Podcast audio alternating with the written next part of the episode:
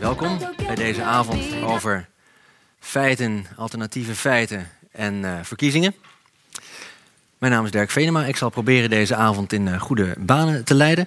Um, feiten zijn geen feiten. Dat heb ik uh, geleerd in mijn rechtenopleiding. maar dat ging erover dat feiten in een juridische context altijd op verschillende manieren kunnen worden geïnterpreteerd. Het ging niet over de vraag of resultaten van wetenschappelijk onderzoek uh, op heel radicaal verschillende manieren kunnen worden geïnterpreteerd. Um, en nog weer een ander soort feiten zullen hier uh, worden besproken. En of die uh, al dan niet een goede of een slechte rol spelen in de vorm van waarheid of onwaarheid of betwiste waarheid of wat dan maar ook. Um, wat we vanavond voor u hebben is een mooi programma. Eerst geeft Ronald Tinneveld een lezing over waarheid en postwaarheid in verkiezingstijd. Um, er zal dan een korte gelegenheid zijn voor vragen. Uh, daarna gaan we snel door met een gesprek uh, met Peter van der Heijden en Lisbeth Hermans over de rol van informatie. Um, wat voor informatie bij het winnen, en, uh, het winnen van stemmen, het trekken van stemmen. Um, ook dan hebben we een kort vragenrondje. Dan gaan Bebrij en Gudrun Reiniersen in gesprek over de rol van ja, het, hoe iemand overkomt en wat, uh, wat dat allemaal doet. Um, en vooral met, uh, in verband met verkiezingen en verkiezingsspeeches en debatten. Uh, dan hebben we ook weer een kort vragenrondje. En daarna is het de beurt aan Erik Sanders. Die heeft ehm, een mooie alternatieve peiling. Um, peilingsmethode gemaakt, namelijk door op Twitter uh, metingen te verrichten en daaruit conclusies te trekken over nou ja, voorspellingen te maken over hoe het met de verkiezingen uh, zal gaan uh, verlopen met verschillende partijen. Daar staat hij, gesprek met Erik Sanders. Um, en dan, als het goed is, dan hebben we om half tien weten we allemaal wat feiten zijn, wat de rol van feiten is in, in verkiezingstijd. En dan zou ik als eerste graag het woord willen geven aan Ronald Tinneveld.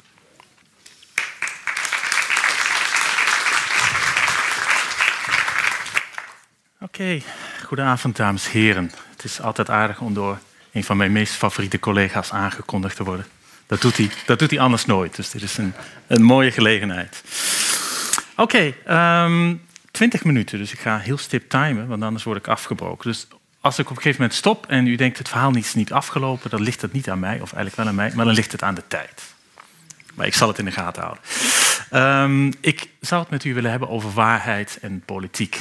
En om daarmee te beginnen wil ik teruggaan, en dan moet ik even kijken, naar 21 januari van dit jaar. Dat was een dag na de inaugurale reden van Donald Trump. En als kerstverse president houdt Trump een toespraak in het hoofdkwartier van de CIA. En u kunt het zich ongetwijfeld nog herinneren. Gefrustreerd over de mediaberichten dat de opkomst bij zijn inaugurale reden veel lager waren dan bij die van de tweede inaugurale van, uh, reden van Barack Obama, zegt Trump het volgende. En dit is een kort I get up this morning, I turn on one of the networks and they show an empty field. I said, wait a minute. I made a speech. I looked out. The field was It looked like a million, a million and a half people. They showed a field where there were practically nobody standing there. And they said Donald Trump did not draw well. I said, it was almost raining. The rain should have scared him away, but God looked down and he said, We're not going to let it rain on your speech. Wat zien we hier? Dus wat we zien is natuurlijk Trump die beweert dat er minimaal 1 of 1,5 miljoen mensen waren bij zijn inaugurale reden en dat zelfs God op zijn hand was. Nou, interessant genoeg laten de camerabeelden van de National Park Service iets anders zien. Niet dat God niet op zijn hand was, maar wel dat er veel minder mensen waren dan er in uh, werkelijkheid waren. Nu, waarom een kerstverse president zich genoodzaakt voelt om een loopje te nemen met de waarheid, dat blijft een interessante vraag. Problematischer is evenwel dat het niet bij deze onwaarheid bleef en dat hij niet de enige politicus is die zich hieraan schuldig maakt. Wat volgde was een lange reeks van leugens, verdraaide waarheden, alternatieve waarheden, etc. Zowel van Trump als van anderen. Nou, hoe moeten we deze situatie en de bredere toestand waarin we tevens geconfronteerd worden met nepnieuws en internettrollen eigenlijk begrijpen? Steeds vaker wordt de term post-truth of post-waarheid gebruikt om een schets te geven van de problemen waarmee we op het vlak van politiek en media worden geconfronteerd. Maar waarop slaat die term post-truth of post-waarheid eigenlijk? En hoe kun je je tegen dat fenomeen weren? Nu, post-waarheid of post-truth is denk ik een bijzonder interessante en tegelijkertijd ook problematische uitdrukking, vooral wanneer ze gebruikt wordt in combinatie met het woord politiek. Zoals in het begrip post-truth politics of post-waarheid politiek. In het Engels klinkt het net iets mooier. Als bijvoeglijk naamwoord heeft post-truth betrekking op die omstandigheden, en ik volg hier een definitie, waarin een beroep op emoties en persoonlijke overtuigingen een grotere invloed heeft op de publieke opinievorming dan een beroep op objectieve feiten. Nou, waar we ons onmiddellijk bewust van moeten zijn, is dat die uitdrukking postwaarheid geen neutrale lading heeft. Het is een begrip met een negatieve connotatie.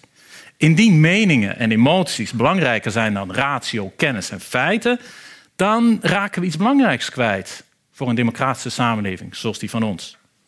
Maar de vraag is, wat raken we dan kwijt? En waarom is datgene wat we kwijtraken belangrijk voor onze democratische samenleving? Nu, wat mijn inziens die term post-truth zo interessant maakt en tegelijkertijd ook zo problematisch, is dat we postwaarheid en postwaarheid politiek weliswaar gedeeltelijk kunnen begrijpen om bepaalde fenomenen te duiden in onze maatschappij. Namelijk dat politici feiten naast zich neerleggen en burgers nepnieuws voor waar aannemen. Maar tegelijkertijd zien we ook dat door dat begrip te gebruiken bepaalde maatschappelijk gegroeide scheve verhoudingen op scherp worden gesteld. En die verhoudingen zijn juist de voedingsbodem voor mensen als Trump en anderen om zich te kunnen gedragen zoals ze doen. Want de leugens van Trump hebben immers vooral zo'n weerslag omdat er weinig tegengas wordt geboden door medepolitici en omdat burgers politieke leugens op hun punten geen probleem vinden en zich niet actief organiseren tegen dit soort fenomenen.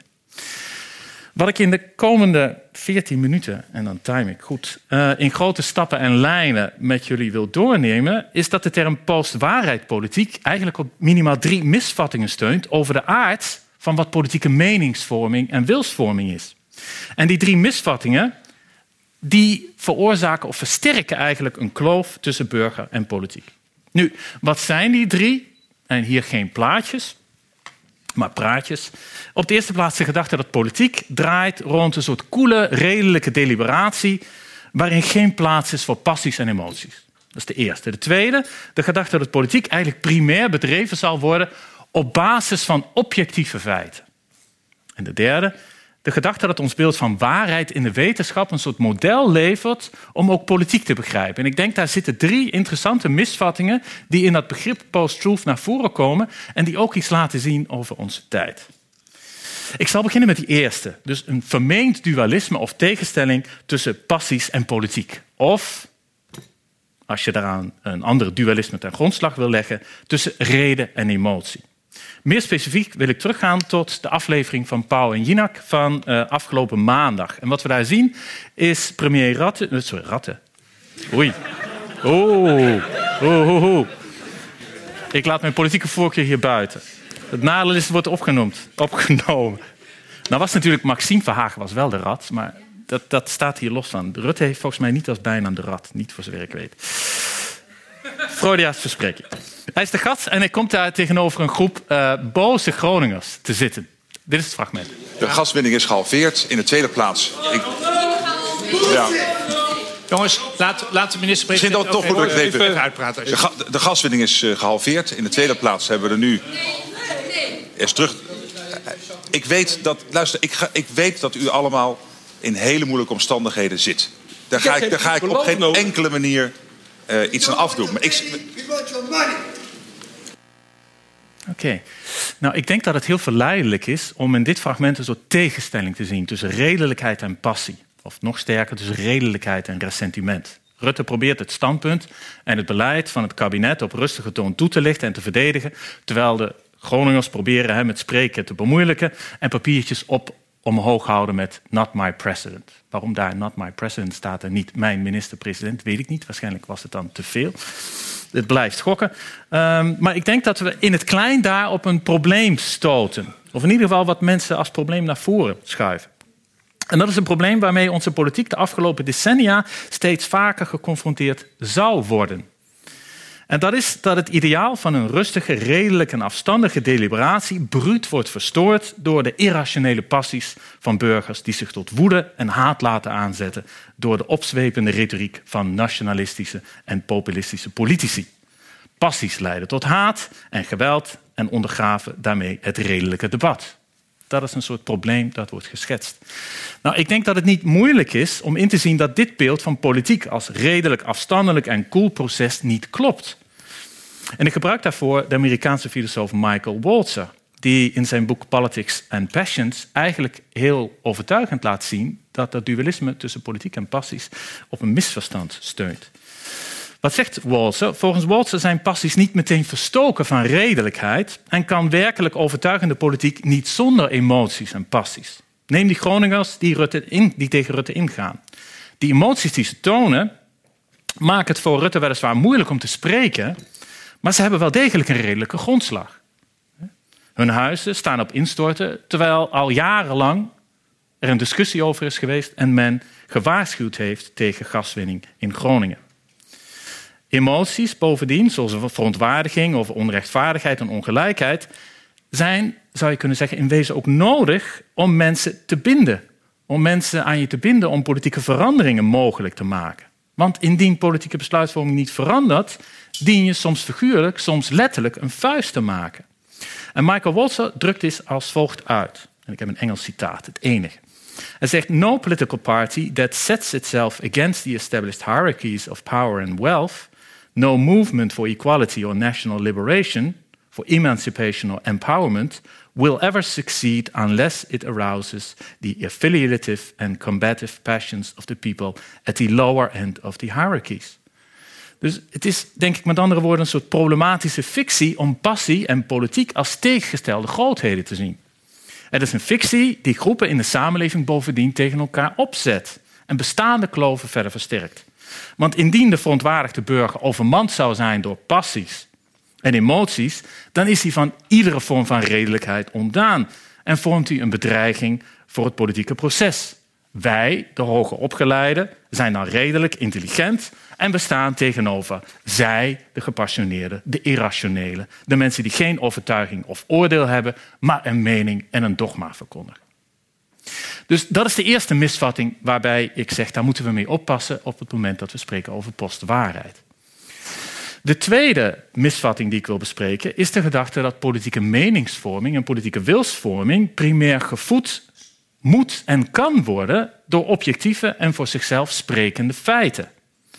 Politiek is dan, volgens die misvatting, het domein van feiten en kennen. En deze mogen niet aan de kant geschoven worden door louter subjectieve en simpele meningen. Nou, ik wil opnieuw kort een fragment laten zien om deze misvatting in te leiden. En in dit fragment zien we de Republikeinse senator James Inhofe, die probeert aan te tonen dat de opwarming van de aarde slechts bedrog is, of in het Engels een hoax. Of uh, national attention, in, in, in case we have forgotten, because we keep hearing that 2014 has been the warmest year on record, I asked the chair, you know what this is? It's a snowball. And that's just from outside here. So it's very, very cold out, very unseasonal. So here, Mr. President, catch this. Mm-hmm. Um, okay. nou, dat het een fundamenteel probleem is wanneer breed gedragen wetenschappelijk onderzoek over klimaatverandering met een sneeuwbal van de tafel wordt geveegd, is denk ik evident. Dat zal duidelijk zijn. Wetenschappelijke onderzoeksresultaten, hoewel ook die steeds voor interpretatie en herinterpretatie vatbaar zijn, hebben een andere status dan die van een louter subjectieve mening. En kunnen in die zin een bepaalde begrenzing opleggen aan wat politiek mogelijk is. En hetzelfde geldt, denk ik, voor die idee van objectieve feiten in het algemeen. Politiek kan niet vrij zijn van feiten. Want feitenvrije politiek bedrijven is zoals het bouwen van een luchtkasteel. Een lichtzinnige, onrealistische en potentieel zeer gevaarlijke activiteit. Politieke menings- en wilsvorming dienen binnen bepaalde realistische kaders te blijven. Want niet alles in onze natuurlijke, sociale en economische realiteit is even oprekbaar en voor verschillende interpretaties vatbaar. Ik denk dat we daar wel over eens zijn. Maar wat we niet moeten vergeten, en daar komt die misvatting naar voren, is dat de omgekeerde technocratische reflex eveneens bijzonder problematisch is. Feiten leiden immers niet direct tot politieke oordelen of politieke beslissingen. Werkelijk politiek neutrale feiten zijn moeilijk te vinden. Feiten worden op politiek vlak immers geselecteerd, gecombineerd en geïnterpreteerd. Zo vormt een vaststelling dat een beleidsmaatregel tot een toename van de overheidsschuld zal leiden op zich geen voldoende reden om die maatregel ook aan de kant te schuiven. De omvang van de overheidsschuld vond immers geen objectieve toetssteen voor politieke beslissingen, maar een waardeoordeel of een richtsnoer. Als samenleving vinden we het schijnbaar moeilijk om schulden aan te gaan. Of we hebben internationale afspraken die zeggen dat de schuld van de overheid niet boven een bepaald percentage van het BBP mag uitkomen. Maar dan gaat het wel om een keuze, om een waardeoordeel. Dus politieke beslissingen steunen op waardeoordelen en interpretaties van feiten. En dat geldt niet alleen voor morele en ethische vragen, maar ook voor pragmatische kwesties. Pragmatische kwesties gaan over de vraag wat het meest geschikte middel is om een bepaald doel te bereiken. Bijvoorbeeld, welke oplossing kiezen we voor het fileprobleem? Proberen we het bestaande wegennet uit te breiden of willen we mensen stimuleren om het openbaar, oh sorry, om het openbaar vervoer te nemen? Die afweging tussen middel en doel staat centraal, maar dat doel dat impliceert een keuze, dat impliceert een afweging, dat impliceert een bepaalde evaluatie. Dus politiek bedrijven, denk ik, is ook iets heel anders dan wetenschap beoefenen of een wiskundig probleem oplossen. En ik ben niet de enige die dat natuurlijk verkondigt. We hebben dat de afgelopen jaren in de Nederlandse media vaker gehoord. Bijvoorbeeld door mensen als Jos de Beus, Frank Ankersmit of Luc van Middelaar. Binnen de wetenschap zouden feiten wel degelijk een doorslaggevende rol spelen bij twisten en deliberaties en debatten, maar binnen de politiek hoeft dat helemaal niet altijd het geval te zijn. En wie pretendeert dat politiek inherent over objectieve en onveranderlijke feiten gaat, die tot anderen niet alleen een verkeerd beeld voor van wat politiek eigenlijk is, maar maakt het ook mogelijk en zelfs makkelijker om groepen burgers, activisten of politici buitenspel te zetten. Zij beschikken niet over de feiten en wij wel. Zij weten niet hoe de werkelijkheid in elkaar zit, maar wij wel. En daarmee kom ik tot de derde misvatting die ik wil bespreken. De gedachte dat het in de politiek vooral om waarheid of wetenschappelijke waarheid zou moeten gaan en niet om macht, onderhandelingen of normatieve keuzes. Politici streven bestuurlijke macht na, zijn meestal bereid om te onderhandelen, formuleren overtuigingen, oordelen, meningen en hebben, als het goed is, een ideaal van hoe de samenleving er in de toekomst zou uit moeten zien. Soms zijn die oordelen, overtuigingen en beelden gebaseerd op objectieve feiten, in plaats van objectief tussen aanhalingstekens, maar soms ook niet. En dat maakt het problematisch, denk ik, om waarheid naar voren te schuiven als primair of enig criterium om over politiek te spreken. Over claims, uitspraken en oordelen. Ik zal een simpel voorbeeld geven. Een politicus die tijdens een hevige onweersbui zonder enige spoor van ironie zegt: De zon schijnt, ja, die liegt. Hij of zij doet een uitspraak over een externe werkelijkheid die toetsbaar en weerlegbaar is. Maar de meeste politieke uitspraken zijn niet van die aard. Dus voor de meeste politieke uitspraken gaat het gewoon niet op dat je vast kunt stellen of ze waar zijn of niet. Laat ik een aantal voorbeelden geven. En dat zijn standpunten van de VVD. Dus het feit dat ik toen straks per ongeluk rat zeg, zegt nog niks, want ik neem een paar uh, uitspraken en standpunten met jullie door. Levenslang moet levenslang zijn.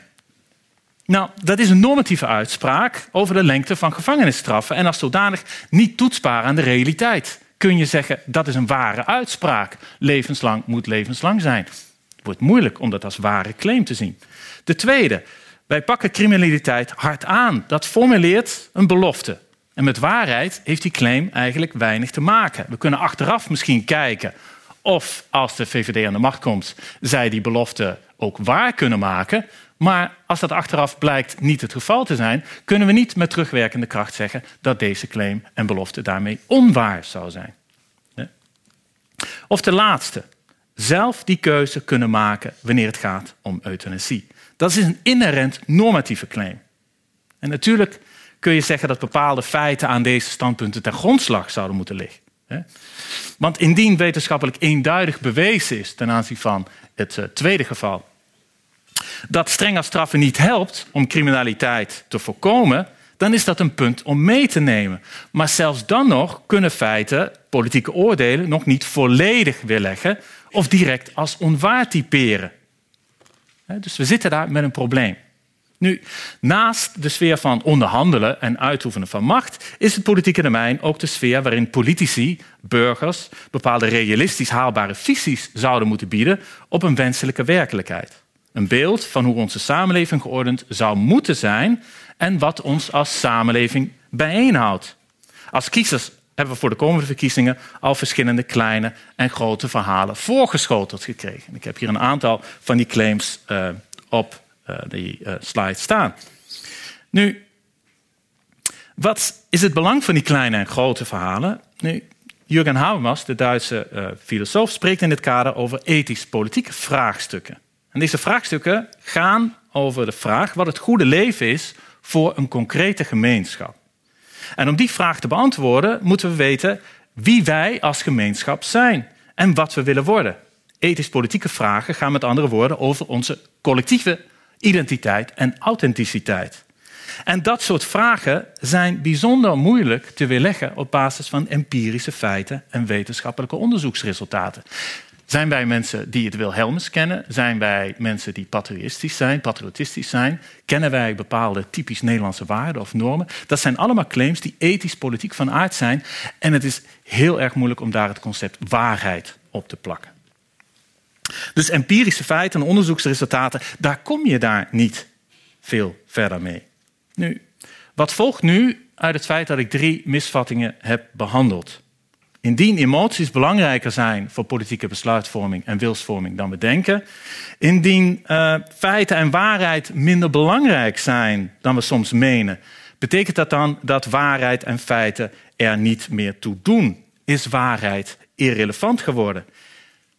En daarmee ik wil, af, mee wil ik afsluiten. Ik denk dat dat zeker niet het geval is. Feiten en waarheid zijn nog steeds nuttige instrumenten om politieke machtshebbers te controleren en om een oordeel te vormen over hun beloftes en hun handelen. Maar feiten en waarheden zijn niet de enige criteria die we hebben. Indien het politieke systeem het vertrouwen van ons als burgers zou willen hebben, dan moet de politie ook waarachtig zijn. En ze moeten een toekomstvisie hebben die ze op basis van goede argumenten kunnen onderbouwen. Een toekomstvisie sorry, visie, die ze bovenal presenteren op basis van contesteerbare claims. Dus wat dat betreft is waarheid niet een overbodige luxe. Maar bovenal is denk ik vereist dat zowel aan de kant van politici als aan de kant van burgers het besef bestaat dat een kritisch oordeelsvermogen crucialer is geworden dan ooit. En dat zowel politici als burgers de politieke moed moeten hebben om zich uit te spreken, politiek actief op te stellen en elkaar te horen. Het volstaat niet om de ander als onredelijk en boos voor te stellen, als iemand die geen waarheid in pacht heeft en de feiten niet kent. Maar hoe we die politieke moed en dat kritisch oordeelsvermogen echter kunnen stimuleren, dat is denk ik een van de grootste uitdagingen waarmee we geconfronteerd worden. En mijn geluk is dat ik maar 20 minuten mag spreken, dus enkel bij deze vaststelling kan houden. En ik dank jullie voor jullie aandacht.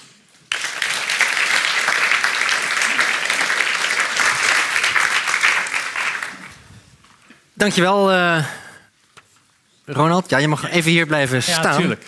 Maar ik schrik altijd van jou en dan ren ik weg.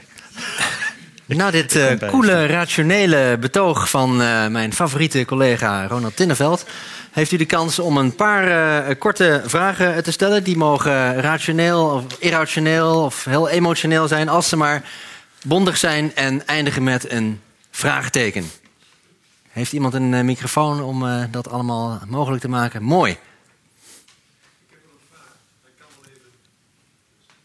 Ja, gaat u gang. Misschien in de microfoon, dan... Uh... Als u premier was... En, uh, ja. Ja, dan ga ik toch even wat verantwoordelijkheid... Puur hypothetisch. Ja, puur hypothetisch. Ja. Uh, wat zou dan het antwoord zijn op de laatste vraag? die u zelf stelde. Ja, dat dacht ik al. Dat is natuurlijk, wanneer ik eindig met een vraag, dan wordt dat de eerste vraag. Heel goed. En ik moet zeggen, ik vind het een hele moeilijke. Want ik, ik bespreek wel eens met studenten de vraag hoe je kritisch oordeelsvermogen kunt aanleren. En ehm, ja, wat kun, je, wat kun je natuurlijk studenten of wat kunnen wij leren? Hoe je problemen vanuit meerdere perspectieven bekijkt. Hoe je bereid moet zijn om open te staan voor kritiek. Hoe je bereid moet zijn om te accepteren dat datgene wat je naar voren brengt ook maar één mening is waar je achter kunt staan, geëmotioneerd achter kunt staan, maar waarbij je ook moet realiseren dat je het misschien fout hebt. Uh, ja, dat soort waarden, dat zijn waarden die we allemaal wel denken kennen. Dus het is makkelijk om te zeggen, ja, wat zou dat impliceren? Maar het is veel moeilijker om natuurlijk de vraag te stellen... hoe ga je dat praktisch bijvoorbeeld in het onderwijs vormgeven? Als het nu al moeilijk is om bepaalde problemen te bespreken... Uh, er was een groot onderzoek van DUO, um, ook vorig jaar... waarin het ging over um, hoe de aanslagen van uh, 9-11 werden besproken. En een van de voorbeelden was een docent die gaf haar perceptie op het fenomeen. En toen mochten de leerlingen zelf aangeven wat zij dachten dat er gebeurd was. Dus twee interpretaties van een historisch feit uh, werden getoond. Nu, daar denk ik dat we heel snel kunnen zeggen... ja, dat zou eigenlijk niet moeten gebeuren. Historische feiten, ook al zijn ze interpreteerbaar... Uh, je kunt ze soms niet radicaal ontkrachten. Maar hoe ga je verder? Ik durf het werkelijk niet te zeggen. Dus hoe leer je een open, kritische instelling in het onderwijs behalve een aantal dooddoeners hè, die uh, betrekking hebben op uh, probeer redelijk te zijn en probeer open te staan en probeer tolerant te zijn, kom ik, kom ik niet. Dus misschien dat mijn uh, collega's hierna dat die dat wel weten. en en er zit, er zit natuurlijk iemand tussen die bezig is met retorica, dus die moet dat zeker weten. Dus als u het haar moeilijk wil maken, ze zit hier op de derde rij. En misschien kunt u het nog eens stellen aan haar. Maar ik, ik moet mijn tekort op dat punt uh, werkelijk toegeven. Hoor. Want ik merk wel, en het waren korte vragen, dus kort antwoord. Kort antwoord ik, ja. ik, merk wel dat, dat we studenten voornamelijk leren natuurlijk om kritisch te zijn en je eigen standpunt te onderbouwen. Maar dat is heel iets anders dan openstaan voor, echt openstaan voor kritiek.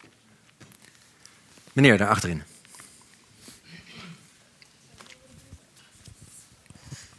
Ja, we praten over waarheid en onwaarheid. En, uh, ik denk dat er nog is het niet een derde categorie dat bullshit is, omdat eigenlijk veel verder gaat. Uh, wat je ziet is dat Trump zegt: uh, laat er dan een half miljoen mensen geweest zijn en dan kun je debatteren over waar het nou een half miljoen ja. of 600.000. Nee, hij maakt er gewoon anderhalf miljoen van. En ja. wat echt totale bullshit is. En dat, dat wordt geaccepteerd. En hoe gaan we daarmee om? Ik denk dat we niet meer praten over waarheid, onwaarheid. Heeft iemand ja. gelijk? Of is het goed bedoeld? Of wat, je kunt het niet meer helemaal meten. We gaan de criminaliteit zwaar ja. aanpakken. Of uh, levenslang is levenslang. Nee, ja. we gaan gewoon naar iets totaal anders. Een heel ander schaakbord. En dat kan blijkbaar ook. En ik denk dat dat een totaal nieuw fenomeen is en dat u dat niet adresseert. Nee, nee en dat heb ik bewust niet geadresseerd. Um, ik weet, um, uh, ik ben zijn naam kwijt, Rob uh, van de correspondent heeft ook twee stukken over geschreven, hè, over Trump als bullshitter. En dat uh, begrip van bullshitting shitting of bullshitter komt natuurlijk van Harry Frankfurt. Um, en ik vind het een, interessant fenomeen, hoor, want het laat zien dat iemand zich eigenlijk buiten waarheid en onwaarheid plaatst en gewoon zegt wat in hem opkomt. Dat hoeft niet consistent te zijn. Je kan op, op moment 1 A zeggen en op moment 2 B en op moment C zeg je weer nee, het was toch niet A. Je kunt zeggen wat je wilt. En schijnbaar bereik je daar ook een publiek mee. Um, maar ik denk dat we ons in Nederland nog gelukkig mogen prijzen dat dat beeld van die bullshitter nog niet op onze politici geplakt kan worden. Uh, wij hebben toch een heel ander politiek debat waarin als iemand zich werkelijk zodanig zou opstellen, hij of zij zich hopelijk vrij snel buitenspel plaatst. Uh, dus daarom heb ik dat niet meegenomen. Ik vind het een interessante, maar voor het politieke debat in Nederland voorlopig nog een buitenbeentje. En ik hoop dat dat ook zo blijft. Maar uh, hoe je dat dan uiteindelijk mee kan nemen, hoe je er tegenin kan gaan, dat is nog moeilijker dan iemand die wel binnen dat kader van waarheid en onwaarheid blijft, maar niet met je in debat wil gaan. Ik denk dat we dat makkelijk kunnen adresseren dan iemand die zich volledig buiten dat kader gaat plaatsen ja, hoe ga je ermee om? Ik durf het opnieuw uh, niet te zeggen, maar ik zal niet zeggen dat mijn collega daar het wel weet. Dat, dat, dat ga ik niet zeggen. Maar dus, ik, ik heb het, ik heb het uh, bewust niet meegenomen. Gewoon omdat het zo'n specifiek fenomeen is dat je niet op veel politici gelukkig nog kan plakken. Andere vragen, oprispingen. Ja, meneer. Oprispingen. je kunt ook bepaalde feiten weglaten. Dus je noemt een paar feiten en dan kun je de conclusie uittrekken of trekken mensen een bepaalde conclusie uit. En feiten die daar niet zo lekker bij passen, die laat je weg. Ja, dan heb je wel feiten genoemd die feiten zijn, maar in zekere zin bedrijf je toch onwaarheid. Ja. Dan vertel je niet the truth, the whole truth and nothing but the truth. Nee, je kunt ook een ware claim doen en daar een hele andere intentie mee hebben. Een voorbeeld dat wel eens genoemd wordt is uh, van een politicus die zegt: er zijn veel moslims in Amerika. Maar als je dat op een bepaalde toon zegt, dan bedoel je daar heel iets anders mee. Dan is de, de, de claim misschien wel juist, maar de bedoeling is een hele andere. Dus weglaten van feiten, of zelfs feiten wel hè, noemen, ja, daar kunnen hele verschillende politieke claims uit voorkomen. C'est la ton qui fait la musique. Nog een. Uh, ik dacht dat ik nog een hand ergens omhoog zag gaan. Ja, jij hier voorin.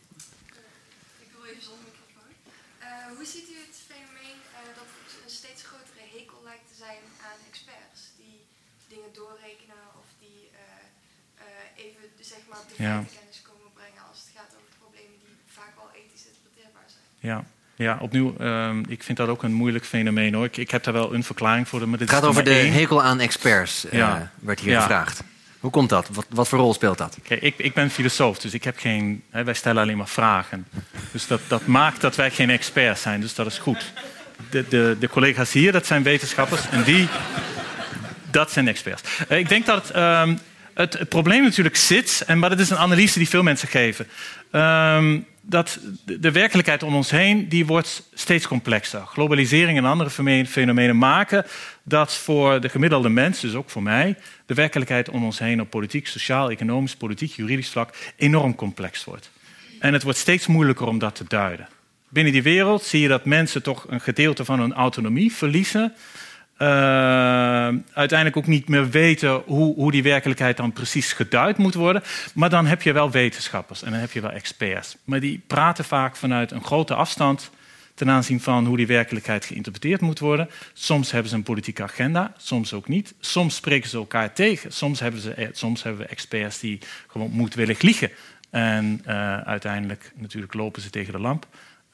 Maar dat roept een klimaat op, denk ik, waarbij veel mensen toch wat argwanend gaan kijken naar wat experts te bieden hebben. En wordt de stap veel makkelijker om te denken: ja, misschien zit de wereld wel veel simpeler in elkaar. En laten we nu politici maar geloven die zeggen dat we die experts niet meer nodig hebben. En dat we terug kunnen naar een soort wereld waarin we een gemeenschap hebben en politiek zelfbepalend kunnen zijn. Ik denk dat het gevaar ligt dat naarmate die complexiteit van die werkelijkheid groter wordt, mensen eigenlijk niet het gevoel hebben dat ze er grip op hebben. Tegelijkertijd experts wel een verklaring geven, maar eentje die op emotioneel en inhoudelijk vlak niet aanslaat bij wat burgers uh, uiteindelijk uh, nou, niet willen horen, maar wat ze kunnen horen. Ja, dat daar een gevaarlijk veld ligt waarin mensen vrij snel overstappen naar een soort populistisch pleidooi van de werkelijkheid is gewoon simpel. We kunnen de macht terugnemen en teruggaan naar de gulden. En uit de Europese Unie stappen, om een voorbeeld te noemen. Bedankt voor deze inleiding op de volgende sprekers. Uh, Ronald, dankjewel.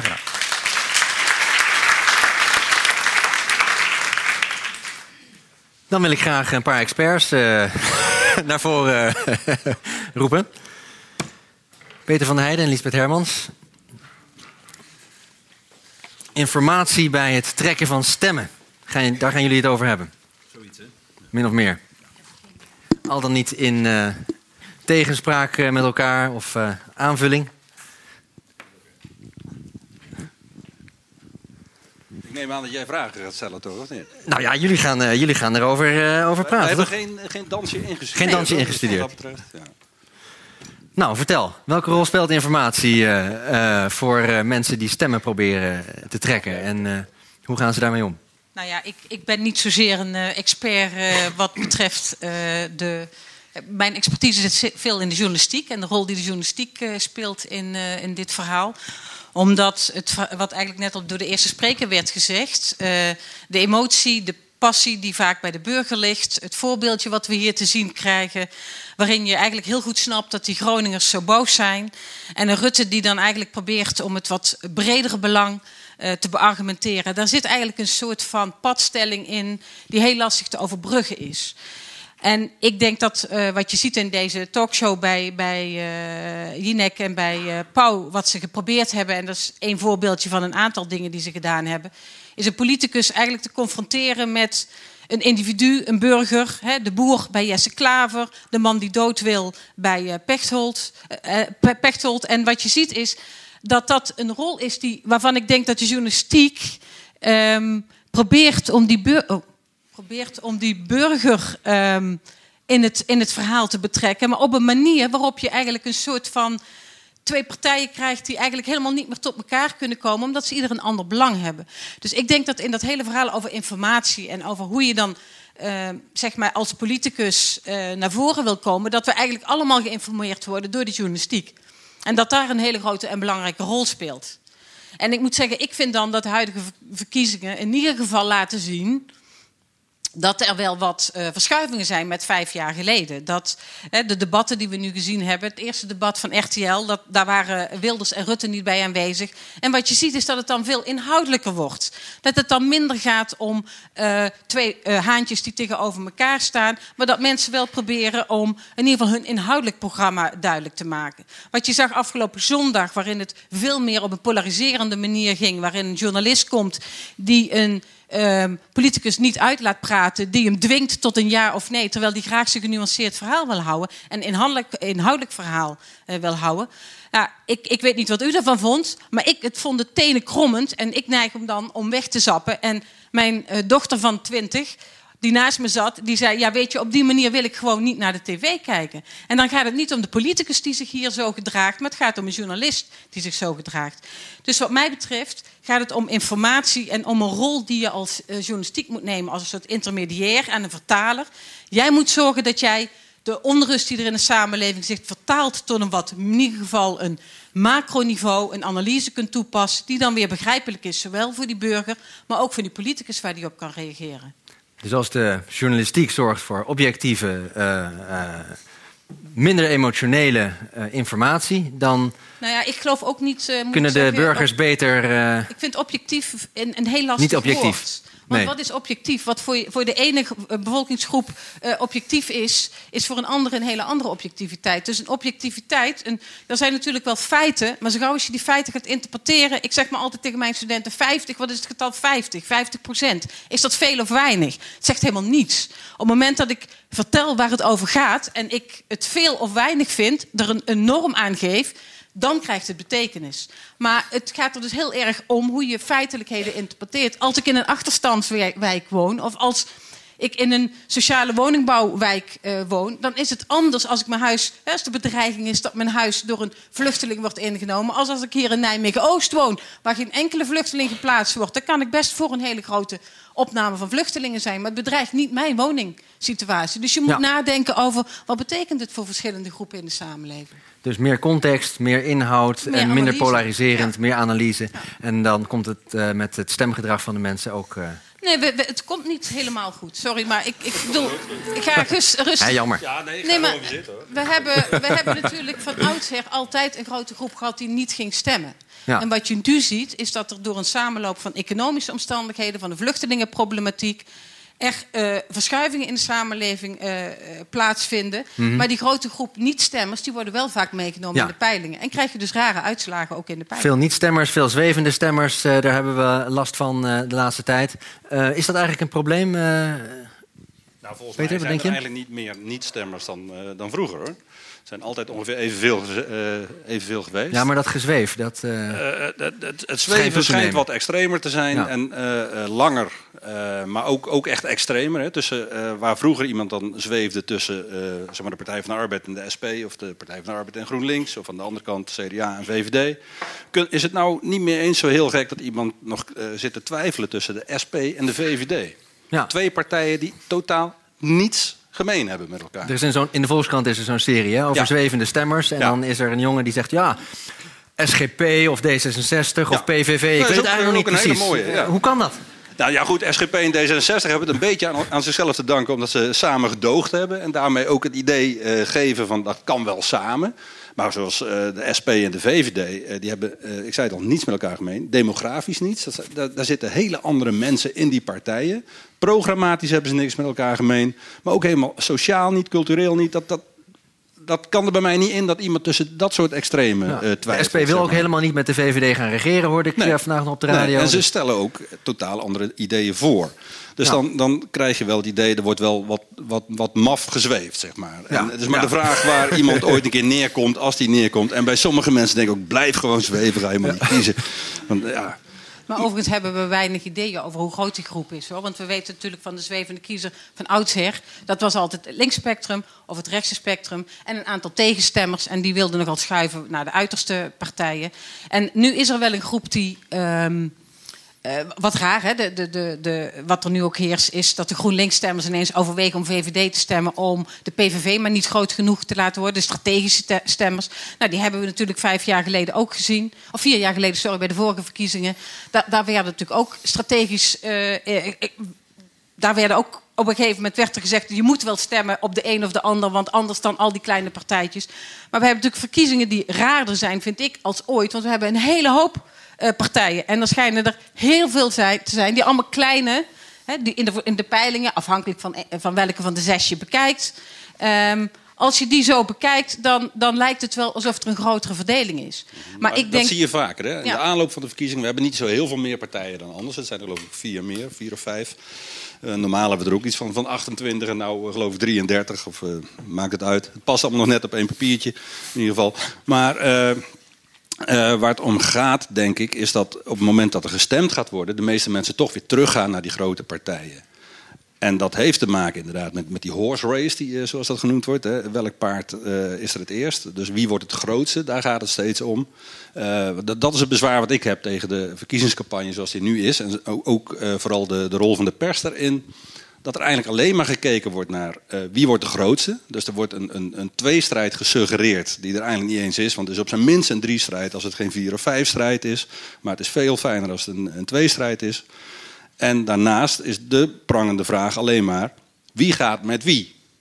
Terwijl de vraag zou moeten zijn, uh, wat wilt u met uw partij bereiken? Waarom doet u mee aan de verkiezingen? Wat wilt u betekenen voor Nederland? En die vraag wordt dus niet gesteld aan politici. De vraag die uh, gesteld wordt is: uh, denkt u de grootste te worden? Wordt u dan premier? En met wie gaat u regeren? Ja, maar dat komt Alsof dus... het niet uitmaakt wat je gaat doen. Nee, maar dat komt dus wel een klein beetje. Um, uh, wat, wat je ziet is als je in een debat. Wij zitten nu ook, gelukkig zitten we redelijk op één lijn, hebben we gemerkt. Maar de veronderstelling is altijd dat het alleen maar leuk is als we elkaar de kop bijna inslaan. Ook als we gewoon staan te praten over politiek. En dat ja, is een misvatting. Het is een misvatting. En misschien bent u het helemaal niet met me eens, dan heb ik het fout. Maar wat we eigenlijk zien in, in de onderzoeken die we daarna doen, dat er een verschuiving is. Mensen zitten helemaal niet zo te wachten om twee polariserende uh, politici tegenover elkaar te hebben. Ja, maar toch die... geloof ik dat dan weer niet. Nee. Ik geloof wel dat mensen erop zitten te wachten, maar het ligt, er, het ligt eraan waar ze ruzie over hebben, waar het over gaat. Ja, maar ze zitten Als te wachten over... om hun eigen politicus dan gelijk te zien krijgen. Nee, en niet om nee, hun ja, meningen nou, te goed, horen. Misschien. En om genuanceerd na te denken op waar ze dan een keuze op Maar dat is ook heel mooi, hè, dat je voor je eigen uh, ja. team kunt cheeren. Dat is fantastisch. Maar, dan... maar, waar het vooral om gaat, is denk ik dat mensen heel graag uh, dat conflict willen zien als het gaat over de inhoud. Dan ja, willen ze zien waar van. Waar baseer je dat op? Want wij zien het niet terug in ons onderzoek. Onze nee, ik, ik baseer die... dat op, op de, de, de politieke. Uh, uh, hoe moet ik het noemen? Uh, het feit dat het politiek, de politiek wel leefde in de jaren 70 en de jaren 80. Toen ja, er was... tegenstellingen waren. En toen partijen polariseerden op inhoud. Toen leefde politiek, toen gingen mensen, uh, waren betrokken bij politiek, mensen waren lid van een politieke partij en mensen gingen stemmen en mensen hadden het erover. En nu, nu al die partijen zo ontzettend veel op elkaar lijken, ze allemaal een beetje neoliberaal zijn, allemaal een beetje populistisch, ja, dan gaat het alleen nog maar om uh, wie heeft het leukste kopje. Ja, maar dat betekent dus dat wij niet meer geïnformeerd zouden willen worden, maar dat we alleen maar willen gaan staan kijken naar twee kemphanen. Nee, nee dat is een tegenstelling een... die klopt niet. Nou ja, maar dat nee. is wat ik polariseren noem. Dat zijn, dat zijn de mensen ja, die dus... niet meer de inhoudelijke argumenten uitwisselen, maar die alleen maar in hun eigen overtuiging staan te praten. En, en wat je dus ziet is uh, de, nee, de, de, de Polarisatie heb je in stellingname en dan ga je, dan ga je dat probeer je te verkopen, natuurlijk. Want dat is uh, wat je doet in een verkiezingscampagne. Hè. Je hebt een winkel en je wilt uh, uitverkoop. Uh, iedereen moet bij jou komen kopen. Maar je bent ondertussen ook bezig om met die ander te kijken... van wat kunnen wij samen als wij straks samen moeten... Wat voor product gaan we dan samen verkopen? Ja, maar dat is denk ik, dan hebben we een iets andere uh, invulling van polariseren. Want wat ik polariseren noem, is vaak de inhoudsloze kreterij die je dan ziet. Is dat een politicus voornamelijk zijn eigen verhaal probeert uh, te vertellen. En dat ik als, uh, als, als kijker of als lezer niet meer geïnformeerd word. Want dan gaat het niet meer over de inhoud, maar dan gaat het puur om de stellingname tegenover elkaar. Dus ik denk dat we dan het woord polariseren moeten definiëren om precies. Maar ik denk dat het. Dan neem ik de klassieke politicologische variant, ja. zeg maar, in de zin van dat het gaat over dat je twee uh, uh, standpunten hebt waar omheen gegroepeerd wordt. En vanuit die standpunten ga je met elkaar spreken. Ja, maar wat doe je dan met die 70% die nog zwevend zit? Want die zit in het midden. En die, die zweven gewoon... omdat er niet gepolariseerd wordt. Daar ben ik vast nou, van overtuigd. Nou ja, goed. Okay, die zweven omdat het zo makkelijk kan. Als je kunt zweven, als je kunt twijfelen tussen de VVD en de SP dan betekent dat dat die zoveel op elkaar lijken dat dat mogelijk is. Ik moet eerst ik geloof niet dat er zoveel mensen zweven tussen de SP en de VVD. Het, het, feit dat het überhaupt mogelijk is en niet voor iemand die echt zijn verstandelijke vermogens niet meer heeft, zeg maar, maar gewoon iemand die echt meedoet, dat geeft voor mij aan dat die. En dat is één van de dingen hoor. Want uh, verder is het ook overduidelijk dat partijen gewoon veel te veel op elkaar zijn gelijk. En niemand weet meer wie waarvoor staat. Uh, ik, ik, ben ervan overtuigd als je een quizje gaat doen met, met de, de lijsttrekkers dat die niet eens al hun standpunten uh, op de goede plek neerzetten. Van de eigen partij, ben ik van overtuigd. Maar misschien verklaart dat voor een deel dan ook wel waarom dat mensen zo twijfelen. Want als ik bijvoorbeeld de euthanasiewet heel erg belangrijk vind, dan ga ik kijken bij de partij die daar wat over zegt. En dan kan ik misschien bij de rest wel denken, ja, ben ik het niet helemaal mee eens. Maar ik kies gewoon mijn. Uh, ik pik mijn issues en daar ga ik dan op stemmen. Maar dat betekent gewoon wel dat ik het met een issue van de SP eens kan zijn. Maar bij wijze van spreken ook met een issue van de SGP. Want als ik tegen euthanasie ben. dus, dus dan, dan verklaart dat, als jij zegt alles lijkt op elkaar, dat mensen dus ook gewoon een issue belangrijk kunnen vinden. En dat we met z'n allen zeggen, nou, ik pak er twee of drie. Een beetje wat de stemwijzer doet. Hè, die als je, je kunt bijna van tevoren al bedenken waar je uitkomt. Want je weet al welke partij uh, iets heel erg belangrijks zet. En als je een beetje dan neutraal kijkt naar hoe, hoe je dat invult... dan weet je al als je bij bepaalde vragen een antwoord geeft... dat je dan bij een bepaalde partij uitkomt. Mm. Dus zo neutraal en zo objectief is die stemwijzer of de kieskompas dan eigenlijk ook weer niet. Maar dat zou je kunnen doen. Maar dat zou ook verklaren waarom dat mensen dan tussen hele verschillende partijen kunnen zweven. Want dan kiezen ze dus op een onderwerp. Ja, blijkbaar is dat wat er gebeurt. En, uh, maar dat komt dan weer omdat dat zo gemakkelijk is. Natuurlijk. Je kunt, partijen lijken zo ontzettend op elkaar dat je dat ene standpuntje eruit kan pakken wat jou aanspreekt. En de rest, dan maakt het echt geen bied uit of je nou op de SP, GroenLinks of Partij van de Arbeid stemt. Uh, en misschien zelfs CDA en uh, ChristenUnie niet. Dus allemaal een maar beetje is dat erg? Uh, nee, dat, precies, dat het zo gaat en dat, uh, dat lijkt mij, blijkbaar een aanjagende rol hierbij vervult. Ja, ik ben politicoloog. Ik ben politicoloog en ik ben geïnteresseerd in politiek. Ik ben dat ooit gaan doen omdat dat mijn passie is. Ik hoorde, er is nog eens een boek geschreven over passie en politiek. Maar het was de mijne ook. Uh, het gaat mij aan het hart. En het gaat mij ook aan het hart dat mensen zich niet interesseren voor politiek. En dat komt omdat politiek niet meer over verhalen gaat, maar over uh, maatregelen. Een verkiezingsprogramma is een setje maatregelen met een nietje er doorheen. En als die maatregelen jou. Uh, daar, kun je dus op stemmen. Je stemt op, op maatregelen die allemaal ook nog een beetje op elkaar lijken. En dan komt zo'n partij die komt in de regering en die gaat iets doen. En die gaat die maatregelen net niet zo uitvoeren als jij had gehoopt dat hij zou doen. Dus dan ga je naar de ander. Zo makkelijk is het, want die heeft diezelfde maatregelen net ietsje anders in het uh, verkiezingsprogramma staan. Maar dat is toch prachtig? Als het allemaal zo dicht bij elkaar uh, ligt en de mensen ja. blijkbaar eigenlijk ook zo dicht bij elkaar zijn. Ja. En dat betekent dus dat je nooit een toneelstukje. Ja. En, uh, en dat betekent dat je dus nooit moet gaan regeren. Want dat betekent op het moment dat je in de regering stapt en de kiezer die is meteen ook teleurgesteld in wat je doet. Je bent je kiezers kwijt. Als je kijkt naar dit kabinet, de formatie was nog niet afgerond. Of de meerderheid in de peilingen was al weg. Ja. Die hebben dus vier jaar lang, vier en een half jaar lang uh, tegen de stroom in moeten regeren. Elkaar echt, echt krampachtig vasthouden, want we moesten niet vallen, want dan, oeh, de ellende is niet meer te overzien. Nou, dat creëer je daarmee, angst. Vooral onder politici, en het electoraat wat minder, maar in de Tweede Kamer eerst alleen maar angst, in ieder geval bij regeringen. Als je nou mensen is geprobeerd te mobiliseren op een verhaal, op een ideologie, daarmee kun je mensen langdurig aan je binden. Want een verhaal, dat valt niet tegen. Dat verhaal vind je mooi, of niet? En als je het mooi vindt, dan doe je mee. Vind je het niet mooi, doe je niet mee. Zoek je een ander verhaal. Maar dan gaat het niet meer om die, uh, die maatregelen achter de komma. Ik denk dat dat het, uh, het probleem is. En ik weet ook niet of ik het helemaal met je eens ben hoor. Want ik denk dat we, als we kijken naar uh, waar je voor stemt. En uh, wat heel, heel mooi is aan Nederland, is dat wij niet twee partijenstelsel hebben. Dat we altijd met meerdere partijen hebben geregeerd. Dat we altijd een soort van consensus hebben moeten bereiken. En natuurlijk doe je water bij de wijn. En dat vind ik ook mooi dat politici zeggen: ja, weet je, ik sta hiervoor. En ik sta voor milieu. En ik sta voor misschien wel extreme standpunten in het milieu. Maar als ik straks wel moet gaan regeren. Als ik die verantwoordelijkheid moet gaan nemen, ja, dan kan het dat ik wat water bij de wijn moet doen. Maar je weet wel dat als je uh, voor bepaalde zaken kiest, dat, dat ze daar wel voor staan. Het maakt wel degelijk uit of jij VVD stemt of dat jij. Uh, GroenLinks stemt in een nou ja, aantal goed, zaken. De, de, afgelopen verkiezingen heeft er dus geen bied uitgemaakt of je op de VVD stemt of op de Partij van de Arbeid. Je kreeg hetzelfde. Nee, maar goed, dat, ja, dat is waar. Maar daar worden ze ook hard op afgerekend. Dus ik denk wel dat je gelijk hebt dat je als je als, als uh, kiezer. Uh, um, je weet gewoon dat je bepaalde concessie moet doen. En ik denk dat we van tevoren ook misschien wel helemaal niet zo hadden verwacht dat de VVD met de P van de A mhm. en eh, zou gaan regeren. En, en het, is ook, het is denk ik ook wat we nu zien, is dat je misschien wel vier, misschien straks wel vijf partijen nodig hebt. Ja, je kunt je al op je vingers natellen dat dat teleurstellingen gaat opleveren. Want als jij uh, op GroenLinks stemt of je stemt op de VVD, dan heb je andere verwachtingen. Mhm. Maar het is ook belangrijk dat we gaan vertellen en uitleggen aan mensen hè,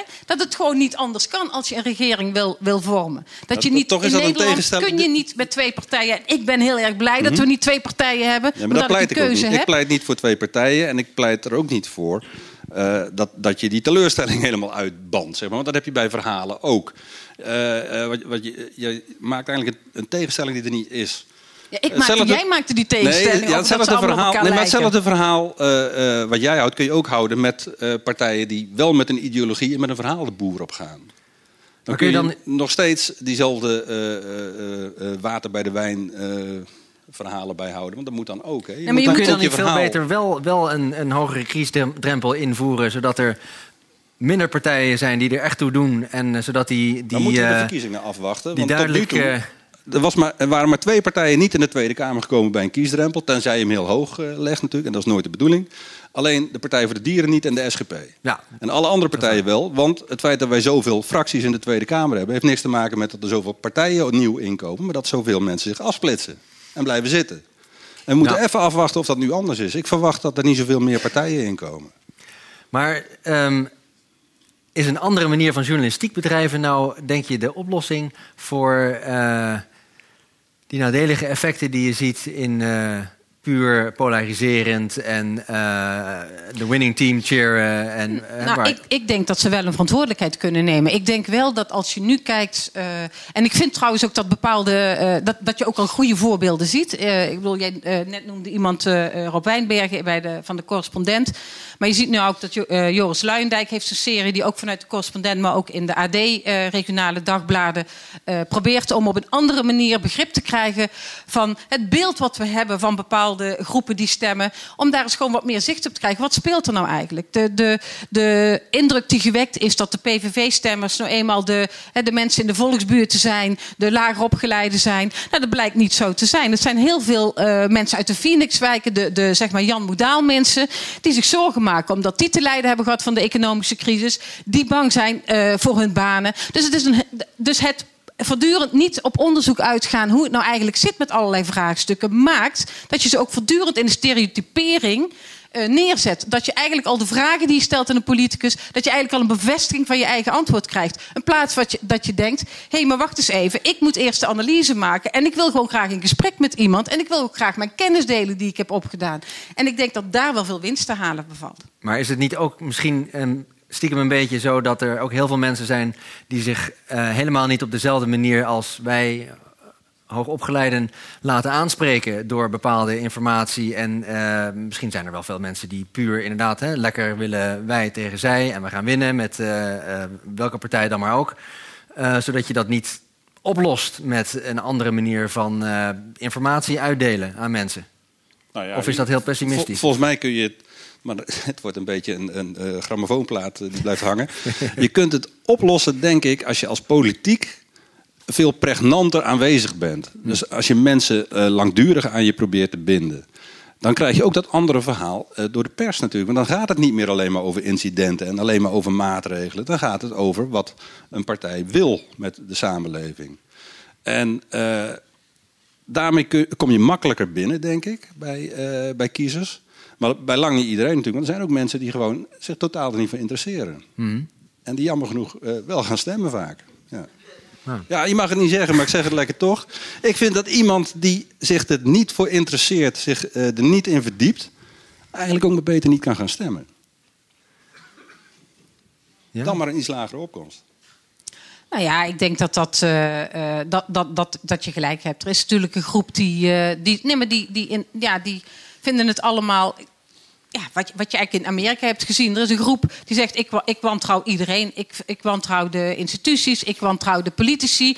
En wat maakt het dan nog uit? Ik bedoel, ook al hè, vertelt iemand niet helemaal de waarheid. Ik vermoed dat die ander ook niet de waarheid vertelt. Dus nou, laat ik dan maar eens op iets nieuws stemmen. Laat ik maar eens een keer denken: misschien is het wel een frisse wind. Slechter kan het niet worden. Het kan misschien wel beter worden. Nou ja, weet je, dat, dat, dat, dat is natuurlijk. Het is ook niet zo dat dat nu veel erger is geworden dan dat dat. Uh, uh, eerder was. Ik denk, kijk, als we langer terug gaan in de verzuiling, dan zie je natuurlijk dat mensen veel meer vanuit een soort eh, katholieke bolwerk waaruit je kwam. Nou, je, ouders, uh, je, je grootouders stemden allemaal uh, katholieke partij. Dus dan deed je dat misschien ook wat makkelijker. Ik bedoel, daar waren wat meer vanzelfsprekendheden. Dus het feit dat er meer individualisering is en wat los is gekomen van... dat, dat, ja, dat lijkt dan ook... Maar er is natuurlijk altijd een groep geweest die ja, denkt van... het zal mij verder mijn tijd wel duren. En... en ja, ik weet niet of ik zover wil gaan om te zeggen... die moet je niet laten stemmen. Maar het is, je moet ze eerst een kennisquizje laten doen... Dan, voor wie mag dan wel en wie mag dan niet stemmen. Ja, ik vind het wel wat lastiger. Maar, maar stoor je met die, met die grote, mooie ideologische verhalen... de mensen niet eerder uh, meer zand in de ogen? Dan denken ze, ja, we, we stemmen op een, uh, iemand met een uh, mooi ideologisch verhaal... van socialisme of liberalisme. En dan gaan we die kant op. Maar uh, concrete maatregelen die je daaruit kunt afleiden. Ja, dat is een kwestie van interpretatie en coalitievorming en dan weet je nog niks. Kun je dan niet beter juist stemmen op concrete maatregelen waar je die politici uh, op af kunt uh, rekenen en aan kunt houden? Ja, dat kan wel, maar dan heb je dus die afrekencultuur in plaats van een vertrouwenscultuur. Dat ten eerste, dat vind ik al lastig in politiek.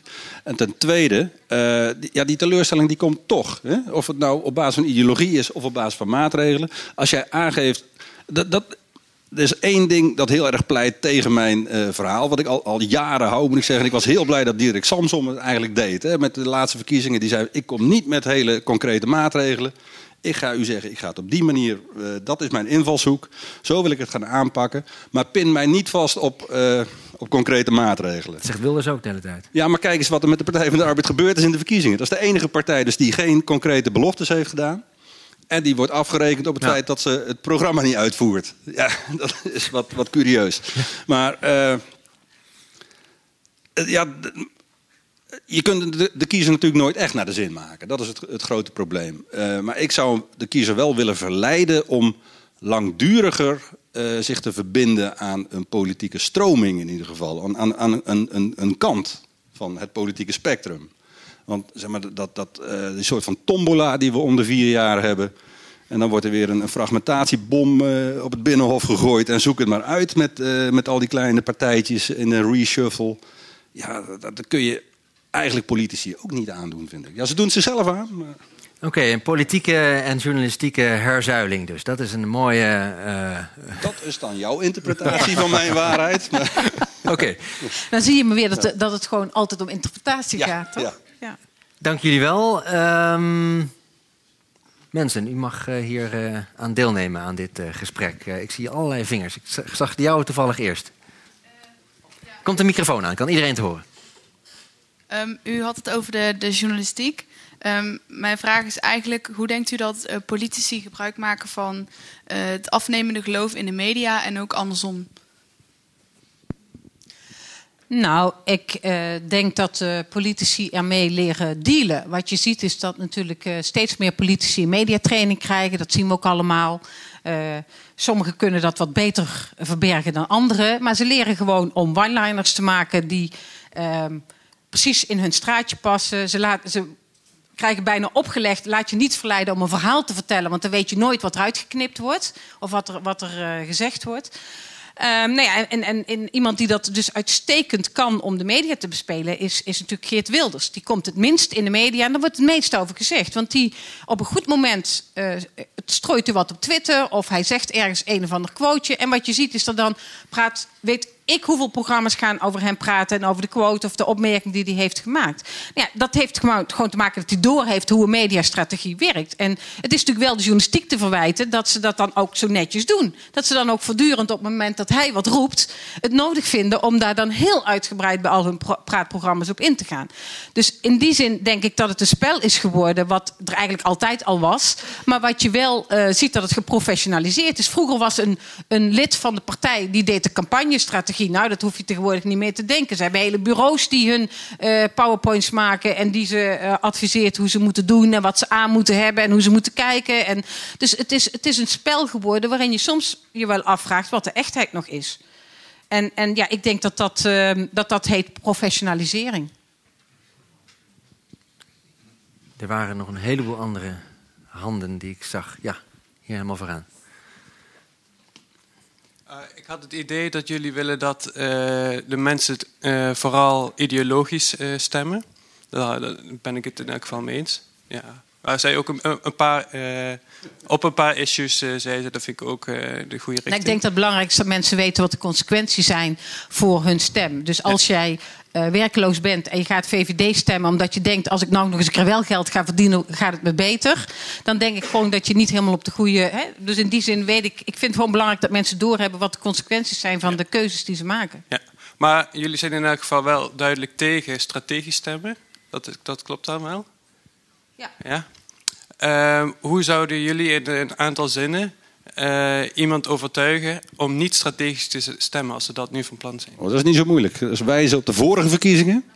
Hoe, hoe die strategische stem is uitgepakt, zeg maar. Uh, toen was de strategische stem of op de Partij van de Arbeid of op de VVD. Partij van de Arbeid voor een linkskabinet, uh, VVD voor een rechtskabinet. Wat kregen we? Allebei.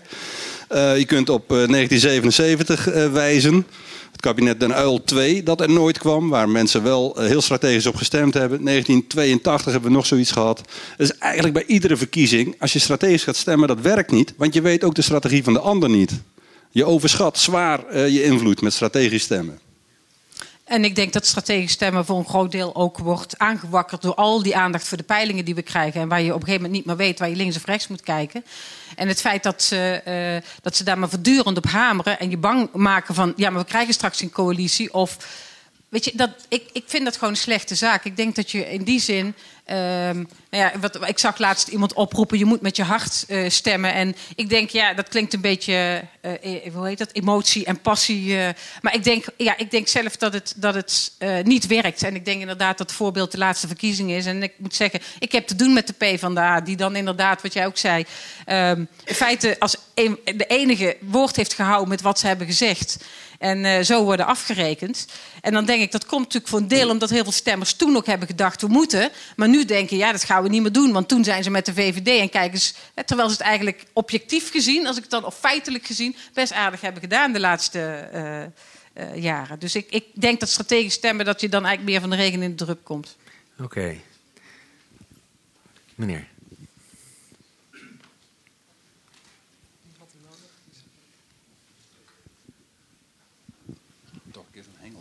Ja. Ja, ik hoorde dat jullie nogal wat uh, kritiek hebben op de journalistiek. En ik denk uh, wel dat, dat, ik het daarmee eens ben. Want uh, waar zijn zij namelijk allemaal op uit om zo groot mogelijke kijkcijfers. ja, de media en, en de pers ja, die zijn in staat ons koopgedrag enorm te beïnvloeden. En waarom zouden ze dat niet kunnen met de programma's die zij ons voorschotelen? Misschien moet er dus iets aan die spelregels gaan gebeuren. Ja, en wat? nou, dus, dus, dus, ze worden zo gedwongen om uh, op de emotie te spelen, om, om een bepaalde informatie te brengen, zodat ze de nodige kijkcijfers krijgen. Mhm. Terwijl eigenlijk hun eerste doel zou moeten zijn om de bevolking zodanig voor te uh, lichten dat wij de informatie krijgen die noodzakelijk is. En dan kom je inderdaad bij jouw verhaal uit dat je inderdaad duidelijk laat maken en dat iedereen ook duidelijk de kans krijgt om te vertellen waar hij voor staat. Mm -hmm. terwijl het nu uh, dreigt weg te vallen in al dat gekibbel en al die emoties. En zoals jullie die zelf al aangedragen hebben, er wordt van alles verzonnen.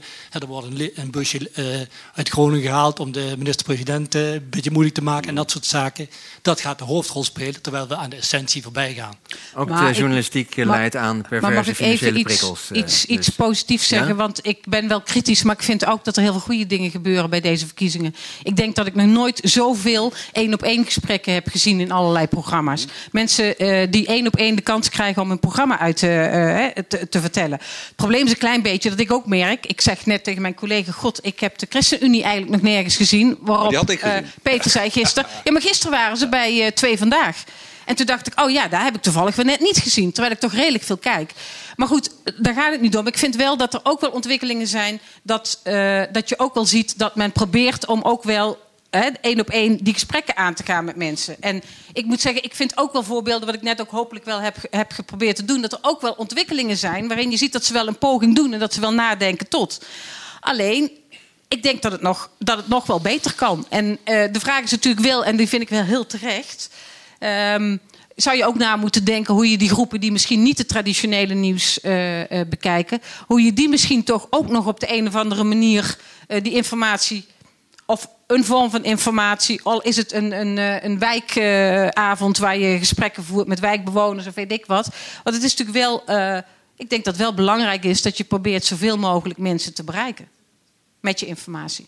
Maar goed, ja, daar hebben we natuurlijk de media voor. En uh, ik zie de gemiddelde lijsttrekker niet alle wijkzaaltjes uh, afgaan. Nou, er zijn zeg maar. ontzettend veel uh, lijsttrekkers ja, er, wordt heel veel, die nu echt veel naar van die kleine ja, bijeenkomsten gaan nee, en daar zo. een verhaal gaan, dat is zo, gaan maar houden. Er zijn heel veel van die zaaltjes en ook heel veel mensen die daarin zitten. En dat is gewoon echt niet te doen. Daar hebben we nou net de massamedia voor uitgevonden natuurlijk. Om de boodschap over te brengen. Het probleem van een deel in ieder geval van de massamedia is natuurlijk dat die gewoon puur commercieel zijn. En wel een uh, iets van een informatievoorziening willen zijn, maar als eerste gewoon uh, willen verkopen. En namelijk uh, reclamezendtijd in de tussentijd. En je ziet dat de, de publieke omroep daar ook wel wat mee besmet is. Met, die, die worden in datzelfde format gedrukt. Zolang het alleen maar gaat over wie er wint en wie na die winst dan met wie gaat regeren, zul je deze ellende blijven houden. Als het niet gaat, als er niet gevraagd wordt naar de inhoud. Dat zie je in die programma's. Als daar echt alleen maar het conflict wordt gezocht van... Uh, ga, win jij nou van hem of niet? En uh, als je gewonnen hebt, ga je dan wel met hem samenwerken of niet? Dan gaat het mis. In die één op één programma's, daar is alle rust om te praten vaak. En daar krijg je ook uh, toch nog wel iets van inhoud mee. Media terug in de zeil, dankjewel. Um, die meneer daar had een vraag nog. Misschien kan die daar, daarboven. Ja, nee, die, ja, u ja. Nou, ik heb wel een redelijk welluidende stem, maar uh, hoe kijkt u als je het hebt over uh, de rol van de media aan tegen, en dat hoor ik nog niet, want we hebben het in feite over publieke beïnvloeding. Hoe kijkt u aan tegen iedere keer dat geneuzel van die peilingen? Uh, dat is ook iets wat, denk ik, mensen op een enorme negatieve wijze, zou ik bijna willen zeggen, beïnvloedt. Wat is uw mening daarover? In het kort. Nou, er zijn er veel te veel, dat ten ja. eerste. En uh, ze komen, er zijn er veel te vaak. En uh, er wordt uh, ook op een hele gekke manier mee omgegaan. Er wordt gedaan alsof het feiten zijn. Want er is een nieuwe peiling, reageer daarop. Terwijl het is ook stuitend om een politicus dan te horen zeggen... ja, het zijn maar peilingen en de enige peiling die ertoe doet is die van 15 maart. Dat is ook het, het beroemde verhaaltje, zeg maar. Ze, moeten er gewoon eens mee ophouden. Gewoon eens in de maand een peiling. Hartstikke leuk in het aanloop naar de verkiezingen. Maar elke dag, en dan ook elke dag, uh, heeft uh, twee vandaag heeft er één. Bij de Wereld Draait Door hebben ze er één. Er staat er nog één in Trouw, noem maar op. Je wordt er stapel gek van. En ze zijn ook allemaal anders. Dus het heeft ook helemaal geen zin. Het is dus geen feit. Maar er wordt gedaan alsof het feiten zijn. Nou ja, en het maakt heel erg uit wie je als respondentengroep hebt. We weten eigenlijk dat er een bepaalde groep gewoon ondervertegenwoordigd zit in die peilingen. En dat geldt eigenlijk voor alle peilingen. Want er is nou helemaal een groep die, uh, die niet meedoet aan dit soort uh, vrijwillige uh, panelachtige vragenlijsten. Um, dus het is, het is een, een ja, ik ben het helemaal met je eens. Ik, ik weet niet of jullie zondag bij Lubach hebben gezien. Nou, is aardig om even terug te kijken. Die had een grappig humoristisch verhaaltje over de peilingen en de zes peilingen die er waren. En dan plakt hij van alles achter elkaar natuurlijk, hoe vaak het niet over de peilingen gaat. En ja, het is, als je de, het gaat turven hoe lang een programma het heeft over de peilingen, dat is, dat is gewoon zonde en verloren tijd. En het leidt, wat ik net ook al zei, tot die rare oproep tot strategisch stemmen. Omdat mensen bang worden gemaakt of omdat er allerlei. Uh, zaken worden verondersteld. En ja, goed, de vorige keer hebben ze. Kijk, de, de, peilingen geven best wel een richting aan hoor. Ik wil niet zeggen dat ze er altijd helemaal naast zitten. Maar je ziet toch bij de vorige verkiezingen in ieder geval dat ze het aardig mis hebben gehad.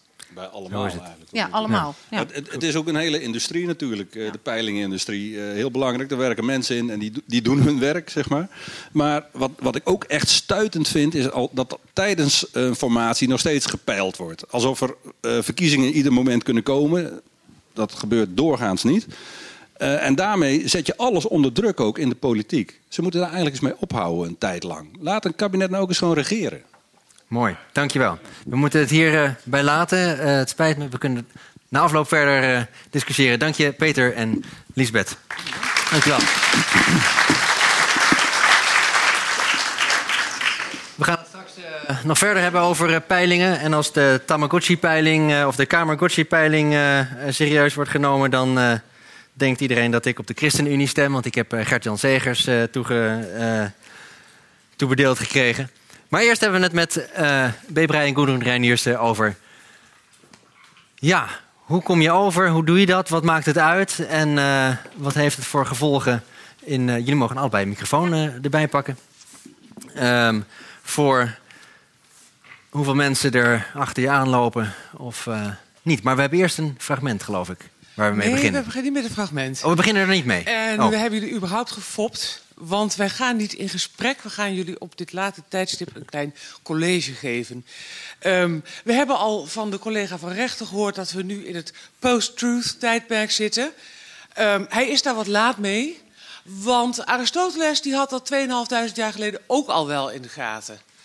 En omdat nou een keer de oudheid mijn vak is, ga ik beginnen met u een beetje te vertellen over Aristoteles. En dat durf ik me te permitteren, omdat wat hij toen zei, nu gewoon nog helemaal opgaat. Want wat zei hij? Ehm, je kunt wel gelijk hebben, je kunt de waarheid aan je kant hebben. Maakt niet uit, je moet zien dat je ook erkenning krijgt dat dat zo is. Dus wij kunnen gelukkig ook van onze kant de feitelijkheid weer een beetje terzijde schuiven. En kijken naar hoe mensen het voor elkaar kunnen krijgen om gelijk te krijgen. Niet alleen het te hebben of het niet te hebben. Dan zijn er eigenlijk drie dingen die een belangrijke rol spelen. Dat is dat je goede argumenten hebt, dat je goed overkomt en dat je mensen weet te raken.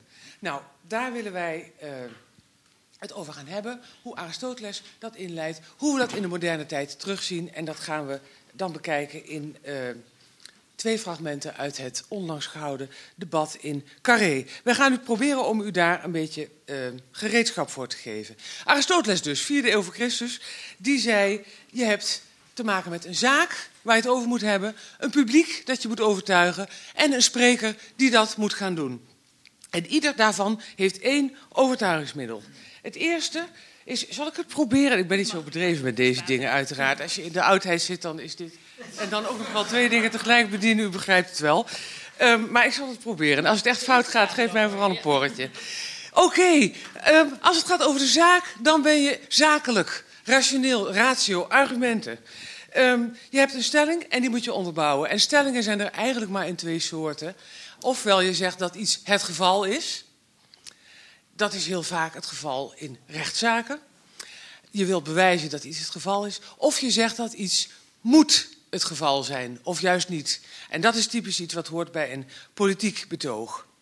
Nou, Aristoteles die zei, bij een ideaal publiek, en dat hebben we net eigenlijk ook al een keertje gehoord, en als er een waarheidstijdperk zou zijn, dan zou je dat hebben. Dan heb je dus voldoende aan een stelling met goede argumenten, en dan zegt je publiek wel, ja, prima, doen we. Of ja, nee, inderdaad, gaan we niet doen. Ehm, dat is een ideaal publiek. Dat heb ik iedere dag voor mijn neus. Dat zijn studenten. Die leren van mij bijvoorbeeld over grammatica. En dan zeg ik, nou, dat is een dativus. Dat is de derde naamval. En dan zegt Delano, nee, dat is, volgens mij is het de vijfde naamval. En dan gaan we tegen elkaar argumenteren en dan komen we er zakelijk wel uit. En als ik denk dat ik op glad ijs kom, dan gooi ik misschien een autoriteit erin. Maar dat is het dan. Ehm, dus dat. In de echte wereld gaat het anders. En eh, daar heb je ook nog andere zaken nodig. En dat hadden we al gezegd, hè. emotie. De Griekse term daarvoor is pathos. En dat is wat je op je publiek loslaat. En nu is het bij retorica zo en bij alle betogen dat die dingen altijd samengaan. Een argument is bijna nooit vrij van emotie. Een, een heel duidelijk voorbeeld vind ik in de huidige debatten zoals ze nu lopen, gaat het over de afschaffing van het eigen risico. En wat zegt dan bijvoorbeeld de SP? Je mag uh, het eigen risico niet handhaven, want als je het eigen risico gaat handhaven, dan geef je mensen die ziek zijn een boete. En dat is straffen van mensen die ziek zijn en daar niks aan kunnen doen. Het is een argument omdat je duidelijk maakt wat de consequenties zijn van een bepaalde handeling. Maar het is tegelijkertijd natuurlijk iets wat heel erg op de emotie speelt. Dus een argument heeft pathos bij zich. Wat je ook kan doen, dat is het vanuit je eigen persoon een beetje opfleuren. Je kunt ook zeggen, ja, natuurlijk moet dat eigen risico gehandhaafd blijven. Want de schatkist is niet bodemloos. En we moeten verantwoordelijk omgaan met onze centjes. Als je dat doet, dan ben je iets minder bezig met het publiek en met de emotie en iets meer met de persoon die je zelf wil zijn, namelijk een verantwoordelijk politicus. En dat heet ethos. Wat is je uitstraling? Wat is je persoonlijkheid? Dat zijn de drie overtuigingsmiddelen in de oudheid. Niet meer en niet minder. En ook nu is het lastig om er nog eentje bij te verzinnen. Dit is gewoon de basis. Overigens, we hebben dus de, gezien dat emotie kan samengaan met een argument. En dat persoonlijkheid, uitstraling kan samengaan met een argument. Het kan ook gebeuren dat de emotie en de uitstraling op elkaar inwerken. Denk even terug aan het SP-voorbeeld. Roemer, die zo hartstochtelijk betoogt dat uh, het afschaffen van het eigen risico betekent dat mensen niet meer worden gestraft voor ziek zijn, die betoont zich daarmee natuurlijk ook meteen iemand die een heel betrokken en warm persoon is. Die wil graag dat iedereen zich goed voelt. En dan kom je de kant weer op van ethos. Dus pathos en ethos werken ook weer op elkaar. En die drie gaan altijd hand in hand. Vanavond willen we een beetje inzoomen op ethos. Um, want pathos in Nederland is toch altijd een beetje saai. Uh, we gaan nooit echt uh, vlak de banken over en vol op het orgel en enkele wilders nagelaten. Maar over het algemeen is het niet spannend. Ethos daarentegen, daar kun je wel een heleboel uh, verder nog over doen. Um, hier is het hoofd van Cicero. Cicero zijn namelijk al heel terecht. Argumenten, dat is al heel wat. Maar de emoties en de uitstraling, die zorgen ervoor dat mensen die argumenten ook willen geloven. En dan gaan ze dus ook mee. Hij was zelf een meester daarin. Hij kon zelf ook ter plekke, als het moest, in tranen uitbarsten. En zijn gehoor ook in tranen krijgen. Want het waren natuurlijk wel allemaal Italianen. Oké, okay, dat is Pathos. We houden het bij Ertos vanavond. Hoe um, zorg je dat je een goed ethos hebt. Aristoteles weer, weer een drietal. Retorica is dol op lijstjes en drie en vijf zijn de favoriete getallen. Vanavond zijn het allemaal drieën. Het belangrijkste vindt Aristoteles, en dat is leuk Marije, want daar komen we weer, is deskundigheid. Of is dat elitair? Um, we hebben het er net al even over gehad dat deskundigheid tegenwoordig ook verdacht kan zijn. Um, het meneertje, Ronald, dat jij uh, langs liet komen met die roze stropdas om, met zijn sneeuwklont...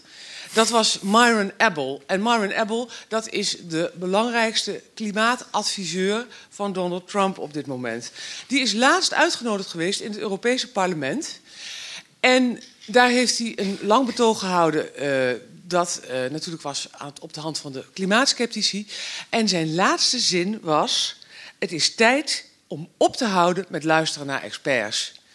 En dit van een wetenschappelijk adviseur. Het is een, uh, over ethos gesproken, bijzonder. Maar dat maakt dus wel heel duidelijk dat deskundigheid tegenwoordig niet meer een vanzelfsprekendheid is. Het is moeilijk om na te gaan hoe dat werkt. Zelf denk ik dat het te maken heeft met een meer algemeen idee van de elite die elkaar de, alles toespeelt en die de gewone burger wat wil wijsmaken en uh, die niet meer serieus wil nemen. Dat dat de belangrijkste reden is dat uh, de deskundigen in kwade reuk staan. En ook het feit dat ze niet bereid zijn om direct duidelijkheid en daarmee ook bevrediging te verschaffen. Want als politici beginnen met mensen wijs te maken dat het allemaal best kan, waren het niet dat vervelende collega's op dit moment uh, de grenzen opengooien en uh, belasting op, op benzine heffen, dan krijgen de experts die die lastige mensen gelijk geven natuurlijk ook zwaar voor de kiezen. Overigens is het onder politici zelf een andere zaak. Daar lijkt het zo te zijn dat deskundigheid nog steeds wel heel belangrijk is. In de fragmenten die we gaan bekijken gaan we ook zien dat ze elkaar op deskundigheid proberen te betwisten. Het tweede, wat heel belangrijk is, dat is betrokkenheid. En iedereen is natuurlijk betrokken, maar hoe laat je het zien? Het is erg belangrijk dat je als politicus de indruk wekt dat datgene waarvoor jij pleit, dat dat jou persoonlijk aan het hart gaat. Dat jij daar persoonlijk door wordt geraakt en dat het er jou iets aan ligt dat er gaat gebeuren waar jij voor pleit. Daarmee maak je ook duidelijk dat je je heel verantwoordelijk voelt. En dat is natuurlijk een heel belangrijke eigenschap voor een uh, politicus. Tot slot moet je ook nog de indruk wekken dat je betrouwbaar bent. Dat wil zeggen dat je consequent bent. En ook dat je niet raar bent. En wel iemand die lijkt op je publiek. En dan is het wel eventjes de vraag of je precies lijkt op je publiek. Dus dat je je als een buitenstaander uit de politiek profileert. Iemand die van buitenaf met het gezonde verstand komt om de boel op te schudden, dan wel als iemand die net is als de burgers, maar er toevallig wat meer voor heeft doorgeleerd om die fatsoenlijke standpunten over het voetlicht te brengen. Dat zijn onze drie belangrijke eigenschappen die ethos toekennen. En nou gaan we maar eens eventjes over tot ethos in actie. En het eerste stukje dat we gaan zien is in het carré-debat we krijgen twee fragmenten in totaal. Maar het eerste wat we gaan zien, dat is um, het uh, fragment waarin Roemer en Buma het samen hebben over um, de stelling dat het eigen risico in de zorg moet worden afgeschaft. We zien hoe Buma reageert op Roemer. Ja, oh sorry. Kijk, hier is de stelling. En dan, ja. Um, Roemer, die begint met Buma aan te vallen. En dat, die gaat een rare draai maken in hoe hij daar omgaat met deskundigheid van Buma. Let u daar eens goed op, daar zit iets heel inconsequents in. Um, vervolgens profileert hij zichzelf natuurlijk met name als zijn handelsmerk een heel betrokken politicus. Buma op zijn beurt, die gaat meer op de stoer van de echte staatsman. En die profileert zich zeer sterk als deskundig en betrouwbaar. Maar ook hij maakt een harde bocht halverwege zijn betoog en gaat dan ineens de kant op van betrokken. Um, ik zal hem maar aanzetten. Bent u er klaar voor? Let op uw ethos. Deskundig, betrokken en betrouwbaar. En zie maar dat u ze betrapt. Natuurlijk wordt het eigen risico afgeschaft. Ik sta echt uh, te kijken wat Buma zegt. Dat hij zegt van het kan eigenlijk niet worden afgeschaft. Meneer Buma, als u niet in staat bent om 4 miljard nog eerlijk te verdelen. Wat moet er dan gebeuren met de hele begroting als u daar al niet toe in staat bent om 4 miljard eerlijk te delen? U bent gewoon een stugge boekhouder. Dit zijn namelijk politieke keuzes. Wij kiezen er niet voor om degenen die ziek zijn een boete te geven en de zorgkosten neer te leggen bij degenen die het niet aankunnen en degenen die er ziek van geworden zijn. Dat is een hele asociale maatregel die u neemt, die u niet waar kunt maken als u daadwerkelijk wilt dat zorgkosten eerlijk verdeeld worden. Dat doet u met ons mee en dan gaat u het realiseren. Nu bent u gewoon een stukje boekhouder en geeft u niet thuis voor al die mensen die ziek thuis zitten, die al in januari hun eigen risico kwijt zijn. Meneer Buma. Ja, meneer Roemer vergeet het bijna, maar de kern van de zorg is goede zorg verlenen aan mensen. En dat kost geld. En daarom is er dat eigen risico voor die bewustheid. Maar dat eigen risico kan omlaag. Dat is een hele erge wat u daar zegt. Laat u mij nu even uitspreken. Het kan omlaag en dat zullen we doen, maar het zal er blijven. Maar het gekste vind ik toch weer de Partij van de Arbeid. Want hoe betaalt hij onder andere de zorg? Door in de streekziekenhuizen, 30 streekziekenhuizen, de eerste hulp weg te snijden. Dat staat in uw plannen. Ik vind het niet kunnen. Het kan niet zo zijn.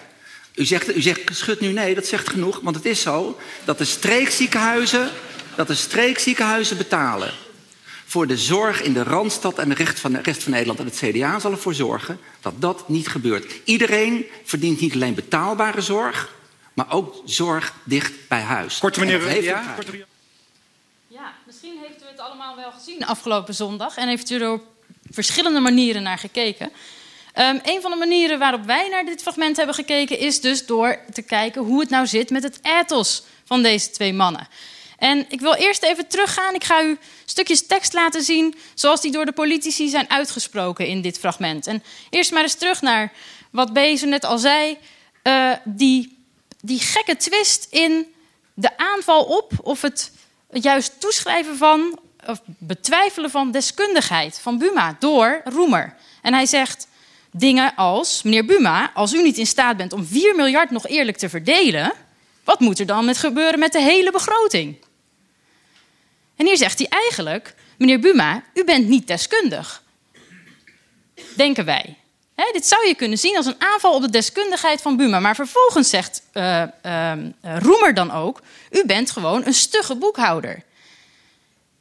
En eigenlijk is het zijn van een boekhouder best wel een goede kwaliteit. Hè? Als je uh, in de regering zit en je moet ervoor zorgen dat het met onze centen een beetje oké lukt allemaal. Dat we de begroting netjes kunnen opstellen en dat, we, dat de staatskas een beetje op orde blijft. Dan is het best wel handig als je een beetje kunt boekhouden. Dat zou je kunnen zeggen is een competentie die je juist als politicus misschien wel zou moeten hebben. Dus hier gebeurt iets geks. Aan de ene kant zegt Roemer u kunt er niks van, u bent niet deskundig, want als u die 4 miljard dan niet kunt verdelen, hoe moet het dan met de rest? En tegelijkertijd zegt hij, u bent een stugge boekhouder. Roemer dan gaat vervolgens door en hij plaatst eigenlijk, hij, wat hij doet trouwens met, dat, met die boekhouder, is eigenlijk al direct een frame plaatsen. Hè? Hij, hij maakt een bepaalde uh, visie, geeft hij op de werkelijkheid. Hij zegt, u bent een stugge boekhouder. Daarmee vertelt hij iets over hoe hij kijkt tegenover, nou misschien dan wel die waarheid, of in elk geval de werkelijkheid, door het op een bepaalde manier te framen. En dat doet hij hier ook, als hij daarna zegt: We kiezen er niet voor om diegenen die ziek zijn een boete te geven en de zorgkosten neer te leggen bij degenen die het niet aankunnen en degenen die er ziek van geworden zijn. Dat is een hele asociale maatregel die u daar noemt. En hiermee praat Roemer dus eigenlijk over een situatie in de werkelijkheid. En hij benadert dat vanuit een bepaald perspectief. Hij benadrukt bepaalde aspecten van die waarheid, van die werkelijkheid.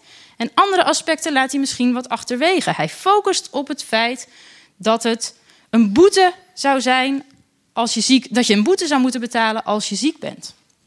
Hier zien we Roemer dus als de betrokken politicus die opkomt voor wat de mensen in het land zoal zouden kunnen voelen. Hij um, uh, um, geeft heel, heel, duidelijk aan hier dat hij betrokken is bij de zaak en bij de mensen in het land.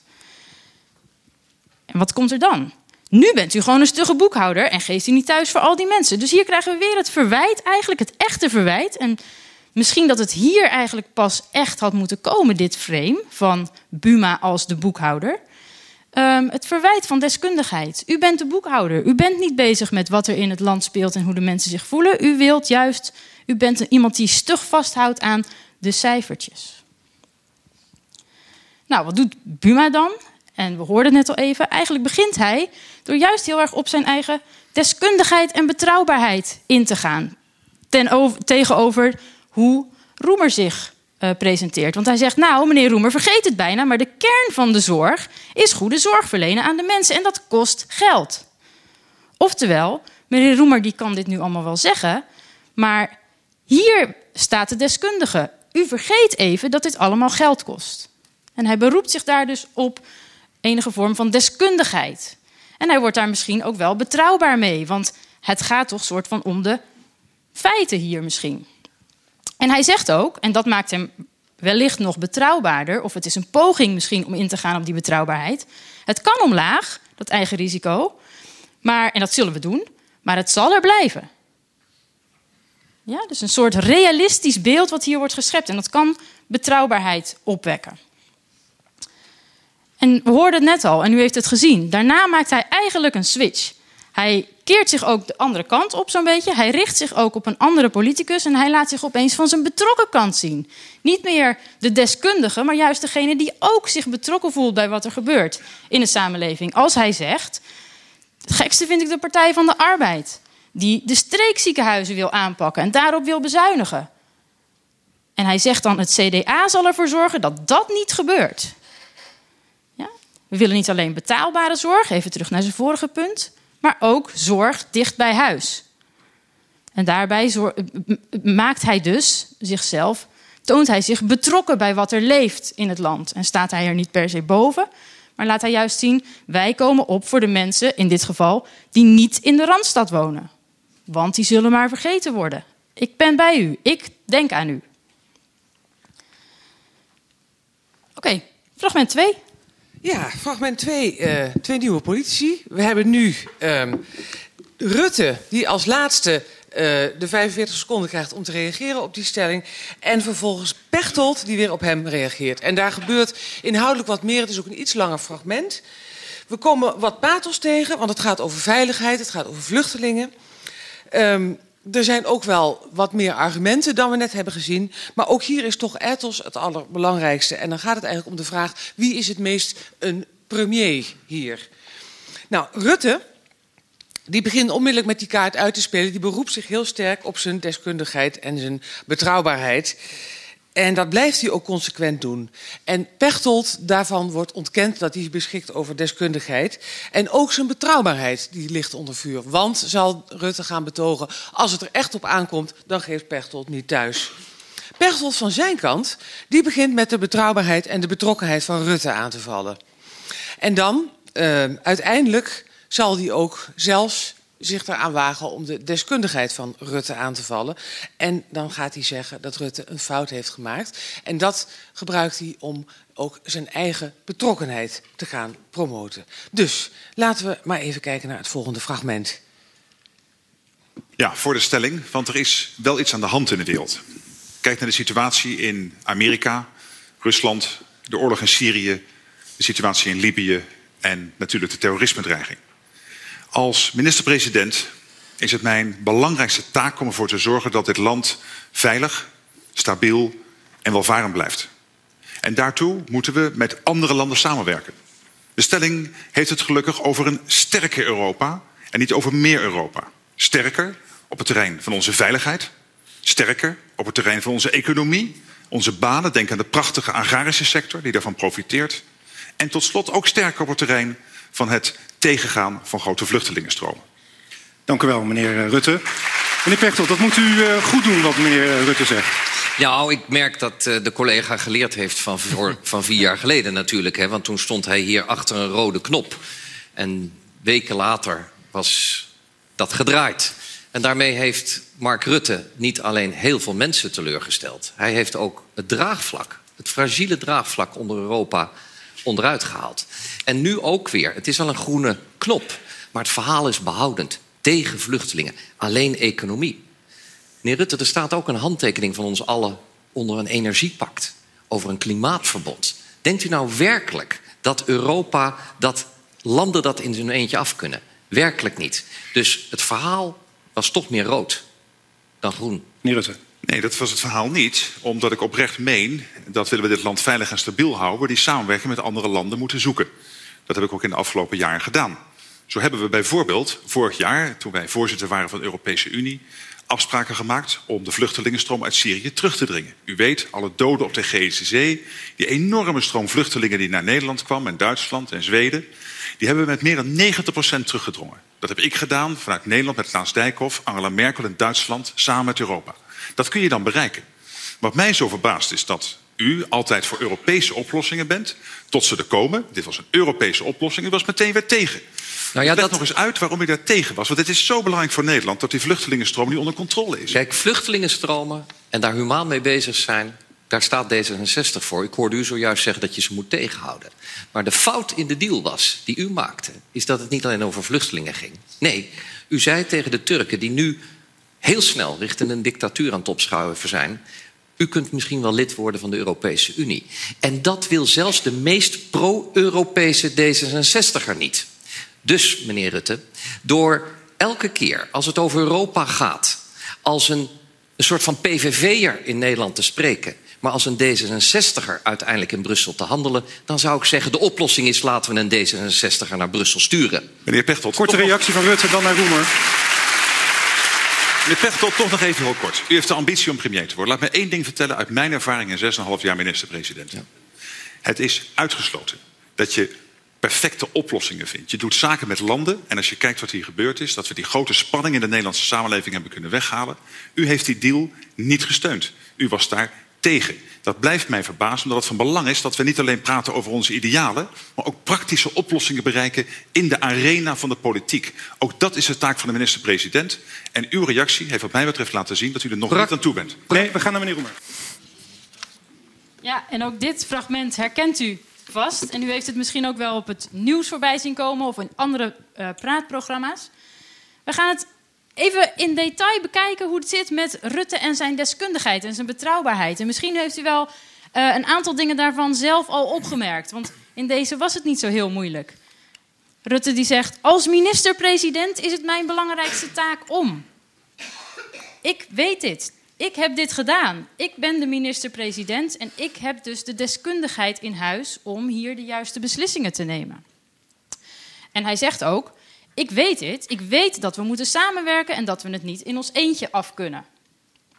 Nou, hij heeft het dan vervolgens over dat er een sterker Europa zou moeten komen, niet per se meer Europa. Daar gaan we nu even niet op in. Het gaat er hier om dat u ziet dat de minister-president zich heel erg beroept op het feit dat hij minister-president is. En dat geeft hem deskundigheid en maakt hem misschien ook wel betrouwbaar. Al zit daar natuurlijk wel een klein probleempuntje voor Mark Rutte. En daar wordt hij dan ook um, op aangevallen.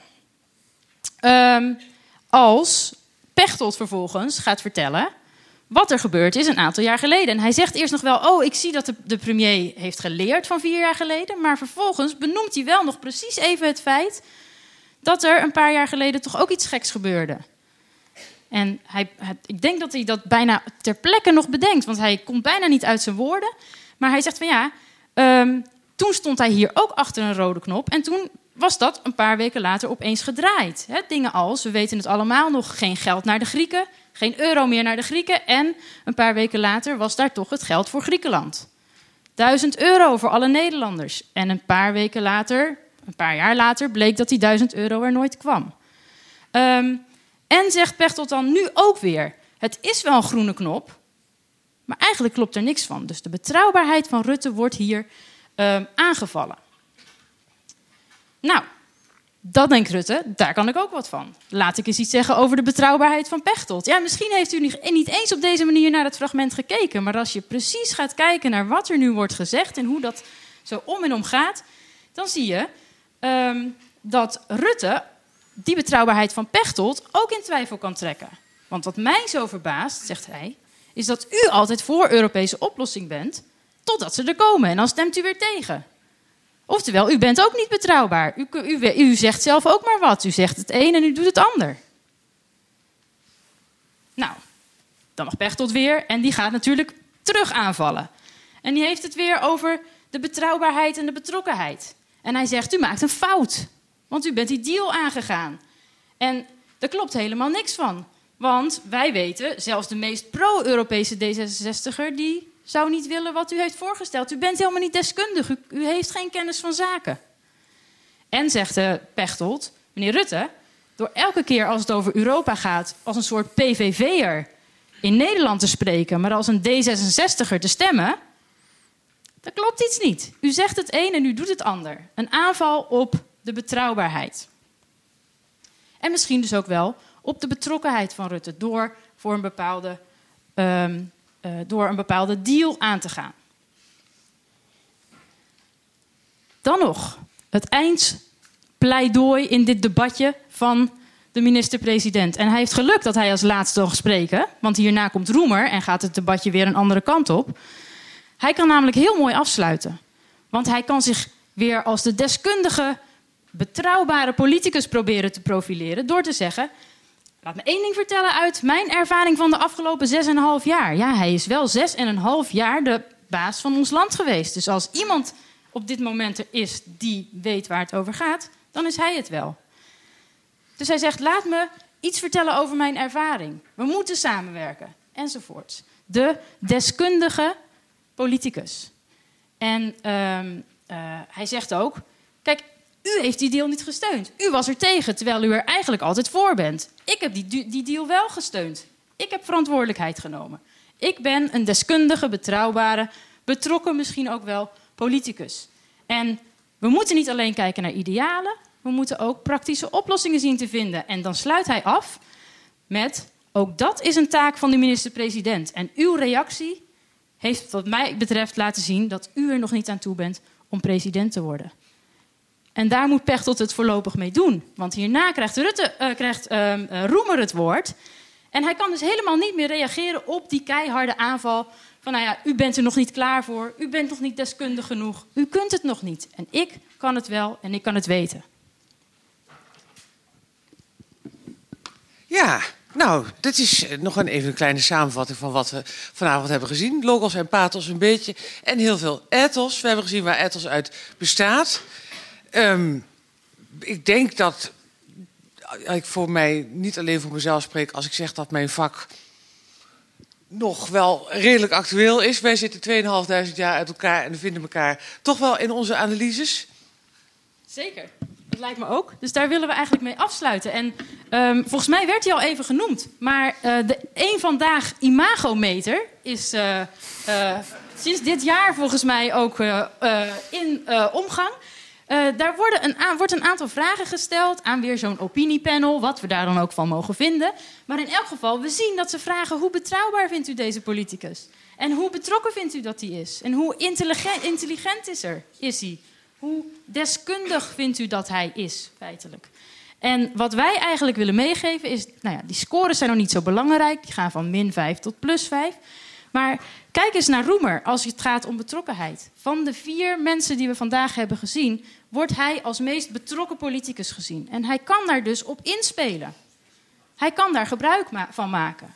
En op dezelfde manier zou je kunnen zeggen, als Pechtold wordt aangevallen op zijn, deskundig, op zijn uh, deskundigheid, dan kan het een tactiek zijn om te zorgen dat je zelf misschien iets deskundiger bevonden gaat worden.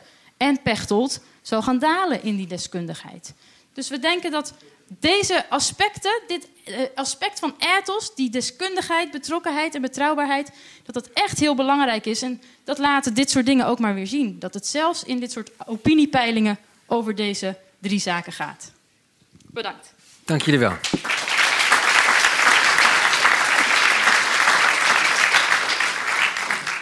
We hebben tijd voor één of twee korte vraagjes. Uh, voordat we naar het laatste gedeelte overgaan, heeft iemand een korte, bondige vraag die eindigt met een vraagteken? Ja. Even snel de microfoon erbij. Dan kan achterin ook iedereen het horen. Ja, heel erg bedankt. Uh, ik had een vraag. Ik vind een uh, heel goed en sterk verhaal. Um, ik begon in, tijdens het te spreken uh, ook te vergelijken met de situatie aan de andere kant van de oceaan, maar natuurlijk president Trump president is geworden. En hij heeft natuurlijk een heel eigen retorica-stijl. En ik vroeg me af in hoeverre is dit verhaal over ethos ook toepasbaar op president Trump in zijn verhalen, in zijn manier van spreken. Is dat ook op dezelfde manier vergelijkbaar of pakt hij toch, past er toch andere methodes toe? Ik kan er wel iets over zeggen, maar als jij Begin jij maar, dan vul ik wel aan. Ja. Um, Even in het kort. Ja, ik kan heel kort. Uh, wat je zou moeten bekijken, wat mij betreft, in deze is um, uh, de um, uh, toespraak die president Trump, toen nog president-elect Trump, gaf toen hij wist dat hij had gewonnen. wat er gebeurt is, de man heeft de hele campagne is die er keihard ingegaan en kunnen we allerlei dingen hierover zeggen, maar op het moment dat hij wist, ik word de president, en daarna is het ook weer helemaal misgegaan, dat weten we allemaal. Maar gaat hij opeens een verhaal afsteken waarin familie belangrijk wordt en waarin uh, iedereen het allemaal samen moet gaan doen? En volgens mij speelt hij daar dus heel erg in op juist ethos, op zie mij, ik ben heus wel een fatsoenlijke man.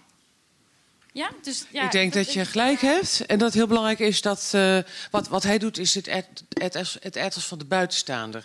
Deskundigheid speelt nauwelijks een rol, maar dat hoeft ook niet. Dat is verdacht geworden. Maar de betrokkenheid en de betrouwbaarheid heel sterk. Want hij kan iedere keer... Hij heeft het op eigen kracht zover gebracht. En uh, hij heeft niemand nodig. Hij trekt zich van niemand iets aan hij is onafhankelijk en hij is, heeft de stem van het volk. Dus dat, dat is zijn ethos. Ik denk dat het een heel sterke uitvergroting is van wat we hier voorlopig in ieder geval nog in verdunde mate zien. En wat is dan efficiënter? Ik denk dat in dit land dit voorlopig nog efficiënter is. Een hele korte nog, misschien van iemand? Ja, meneer.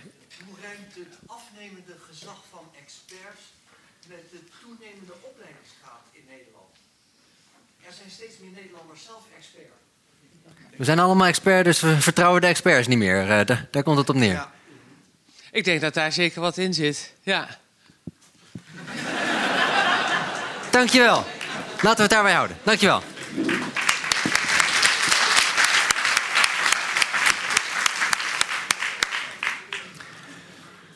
Goed, er wordt dus om de haverklap gepeild. Er zijn allerlei soorten peilingen. Uh, er zijn zelfs uh, Kamergotchi-peilingen. Ehm, en ook de uh, imago-peilingen bestaan al, of de imago-metingen. Ehm, maar er is nog een alternatief mogelijk voor de zes soorten peilingen die we dagelijks bijna voorgeschoteld krijgen. Erik Sanders is met een experiment bezig met een zogenaamde peiling die Twitter als bron gebruikt. Wat is dat? Hoe gaat dat? Ja, Vertel. Ik, ik, ik, durf me vooral bijna niet meer te houden na het spervuur van zojuist. Maar uh, ik zal jullie toch straks uh, de uitslag van de verkiezingen uh, laten zien. Mooi, weten we dat vast. Fijn, ja. ik zal eerst even vertellen hoe het, hoe het is ontstaan. na de vorige verkiezingen ging ik eens kijken in Twitter hoe vaak partijen genoemd werden. En dat ging ik vergelijken met de uitslag van de verkiezingen en de, en de peilingen vlak voor die verkiezingen. En dan krijg je dit plaatje. Uh, de eerste uh, kolom dat zijn, is de uitslag van de verkiezingen. De tweede zijn de peilingen. En de derde dat, uh, is hoe vaak een partij is genoemd op Twitter. En als je, zoals jullie kunnen zien, kwam dat echt bijzonder overheen. Bij drie partijen gaat het wat minder goed. Bij de VVD en de PvdA zat, werd op Twitter echt veel minder vaak de partijen genoemd dan ze uiteindelijk zetels kregen. En GroenLinks scoorde als het tierenlier terwijl die, op Twitter. Terwijl die in de verkiezingen niet al te best deden. Maar goed, ik, bij de andere partijen doet, doet, Twitter het gelijkwaardig aan de peilingen of zelfs beter.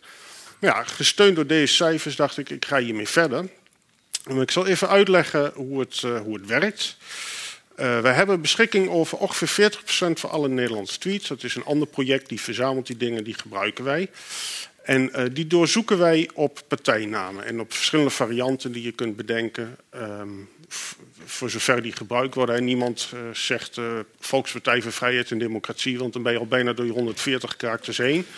Maar PvdA die wordt wel op verschillende manieren gebruikt.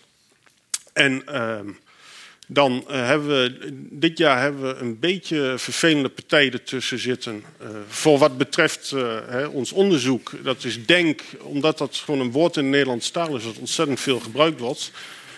dus wij, wij, filteren op allerlei uitdrukkingen met denk, hè, zoals ik denk of denk eraan of nou ja, et cetera, een heleboel kun je verzinnen, die halen we eruit. En dan nog blijven er een, uh, een heel aantal over, omdat uh, op Twitter nogal uh, vaak ongrammaticaal taalgebruik is. De, de, premier denkt zeker dat wij gek zijn. ja, die, die kun je er nooit uit, uithalen, dus daar compenseren we voor. We maken een schatting hoeveel dat ongeveer is en die halen we er ook af. Nou, dan nemen we de, de tweets van de afgelopen tien dagen. En dan, um, wat we ook zien is uh, dat we pieken hebben in, in, die, in die tweets. Als er in het nieuws iets is wat heel veel aandacht krijgt. Bijvoorbeeld uh, een tijdje terug toen uh, stapte Art van der Steur die stapte op. Dan zie je dat, dat die dag de VVD zeg maar, uh, 75 zetels scoort in de Twitterpeiling. Nou, dat wil je niet. Dus die, die, die, die vlakken we af. Weer die VVD, hè? en, um, maar goed, uh, nou ja, en dan, dan, uh, dan tellen we hoe vaak de partij genoemd wordt. We, berekenen de verhouding per partij. En uh, nou, dan kunnen we dat omrekenen naar zetels. Um, even kijken, dan, heb ik, dan zijn er natuurlijk heb je verschillen met traditionele peilingen. er zijn een aantal grote voordelen. We hebben veel meer data. We, elke, elke dag wordt er 15, 15.000 keer of zo getweet over een politieke partij. Um, we hoeven niet, niet naar mensen uh, op zoek, aan wie we al die vragen moeten gaan stellen. Want mensen hè, uit zichzelf zitten ze altijd die telefoontjes van alle, allerlei dingen te roepen. het is veel goedkoper. het enige wat je nodig hebt is een internetverbinding en een beetje tijd. En, en je kunt het doen. En uh, ja, het is continu beschikbaar. Dus uh, elk uur krijgen we nieuwe data. Elk uur kunnen we onze peilingen updaten. Uh, er zijn ook al een paar nadelen natuurlijk. we hebben helemaal geen controle, of nou, bijna geen controle over de representativiteit. We moeten het doen met de mensen die op Twitter zijn. En ja, dat is niet helemaal een representatie van de mensen die gaan stemmen. Uh, we kunnen niet een gerichte vraag stellen. Hè, die, die, die, de, de traditionele opiniepeilers vragen. Als er nu verkiezingen zouden zijn, op wie zou u dan stemmen? Die vraag kunnen we niet stellen. Ze roepen een partij en we durven hem. En uh, ja, het is dus gevoelig voor die, voor die trending topics, zoals Art van der Steur stapt op bijvoorbeeld. Even kijken, dan uh, als ik, moet ik hier ergens op klikken en dan krijgen we uh, de website die we hebben gemaakt www.stemming2017.nl. En dan... is die. Voilà, hier hebben we de zetelverdeling zoals die nu is. Dus uh, nou ja, het, het, kan natuurlijk in de loop van de week nog, nog anders worden, maar uh, zo, gaat het, zo gaat de Kamer er ongeveer uitzien. Oh jee. Kan er niks aan doen. Dankjewel, dat, uh, dat weten we dan vast. Ja. Um...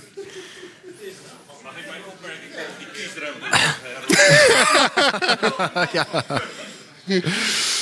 Um, ja, je zei net al iets al over die representativiteit, want niet iedereen twittert. Nee.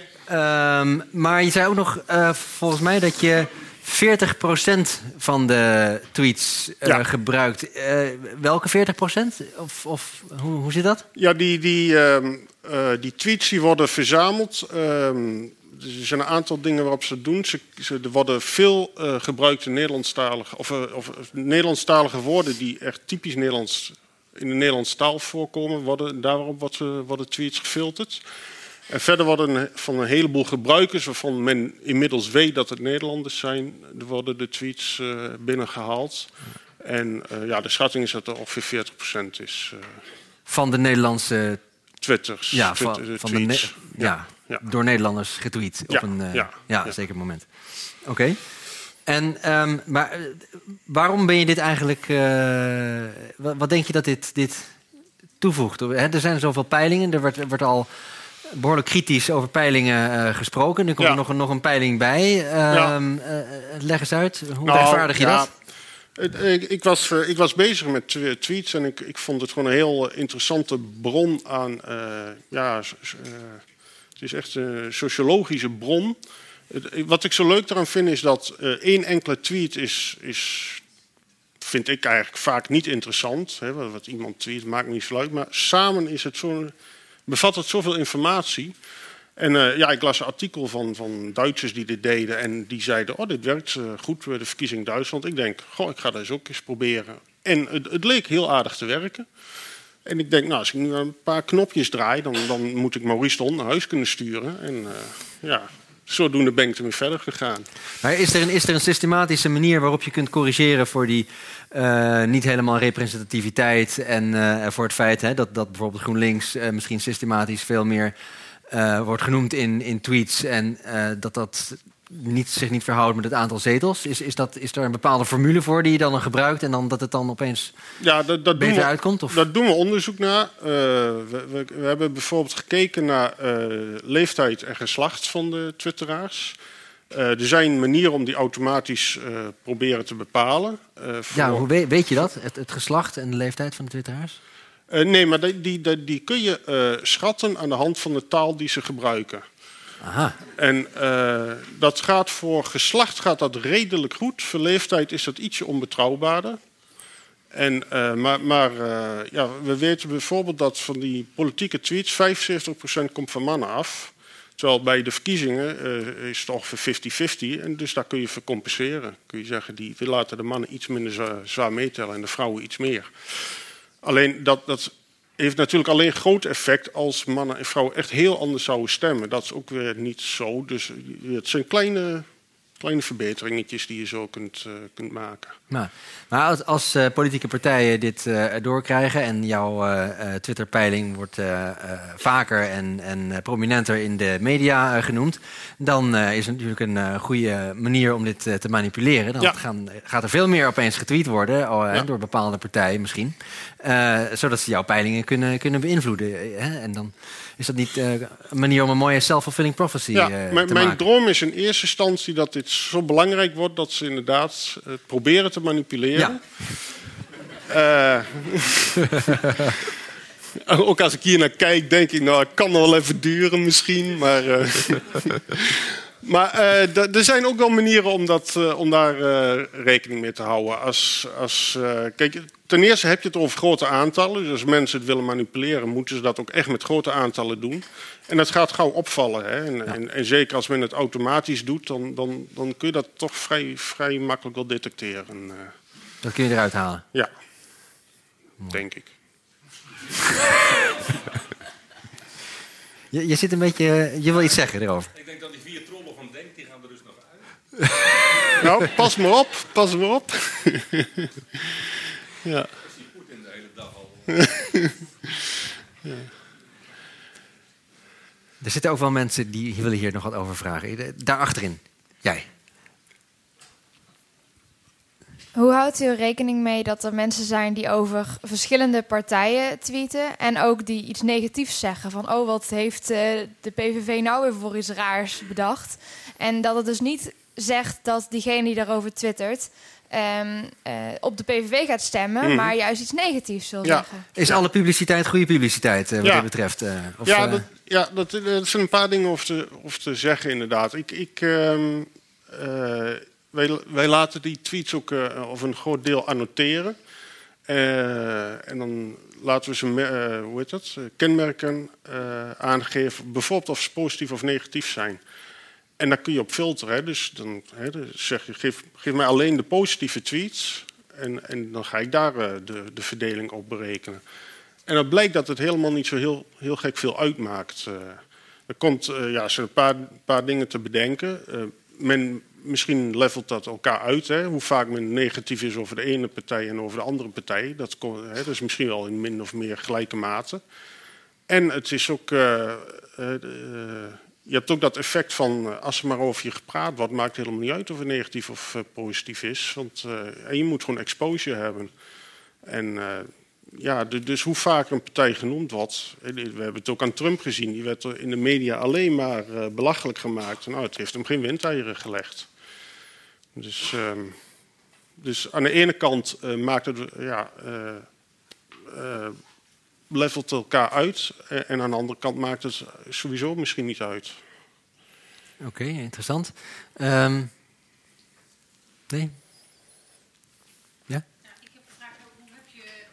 want ik heb dat je niet zoveel van de respondenten. Oh, sorry, dat je niet zoveel van de respondenten af weet. Maar hoe weet je nou of je niet een hele hoop politici hebt uh, uh, in, in je in bestand zitten. Want ik, ik heb toevallig ook 2010 en 2012 onderzoek naar twitterende politici gehad. En GroenLinks is heel makkelijk te verklaren, want dat Hmm. waren de early adopters. Bijna alle politici twitterden.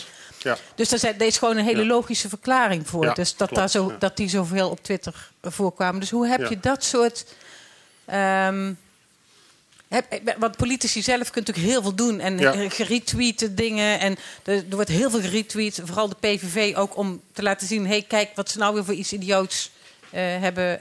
Dus ik, hoe, ik zou nog wel graag ietsje meer weten... voordat we straks allemaal met een rotgevoel naar buiten gaan. Ik hou erg van een positief einde. Dat je ons een beetje geruststelt, misschien toch. Eh, Nou, dat geruststellen, dat, dat, dat weet ik niet. Dat komt misschien nog. Maar de, die retweets die, die haal ik er sowieso uit. Dus eh, die, die zitten er niet in. Eh, ik kijk niet naar wie er getweet heeft. Maar dat, dat is wel mogelijk. Hè? De- Want, want je hebt politici. Maar wat je ook heel veel ziet zijn gewoon nieuwsbronnen. Of verwijzingen naar nieuwsbronnen. Sterker nog, voor een groot deel is dit eigenlijk gewoon een weerslag van wat er in de traditionele media eh, genoemd wordt. Dat klopt. Maar, de, maar die, hè, die, ik heb dat nog niet gedaan, maar je kunt ze eh, voor een groot deel eruit filteren. Ja. Ja. Klopt, ja. ja. Maar het- dit is tot nu toe nog gewoon een weerslag voor alles door elkaar. Ja. Nog een laatste prangende vraag of opmerking. Ja, jij daar achterin. Wacht, wacht even op de microfoon, dan kunnen we het allemaal goed horen. Ehm, als het zo vaak voorkomen dat die berichten op Twitter ehm, door eh, journali- journalistieke eh, mensen eh, of door de pers worden gepubliceerd, maakt het dan, is het dan juist niet heel belangrijk dat mensen het retweeten? Maakt het dan juist niet ehm, de peiling steeds meer betrouwbaar als je die retweets er ook bij, bij opneemt? Ja, Dat is een heel groot gedeelte natuurlijk van de tweets, hè, die retweets. Ja, klopt. Ja, ik, eh, ik, ik, ik, heb, ik heb het ook gedaan met ze wel meenemen. Het maakt ook, dat maakt ook allemaal niet zoveel uit. Maar je hebt ook ja, je hebt, je hebt verschillende manieren van retweets. Hè. Je hebt gewoon het, het, een nieuwsbericht tweeten.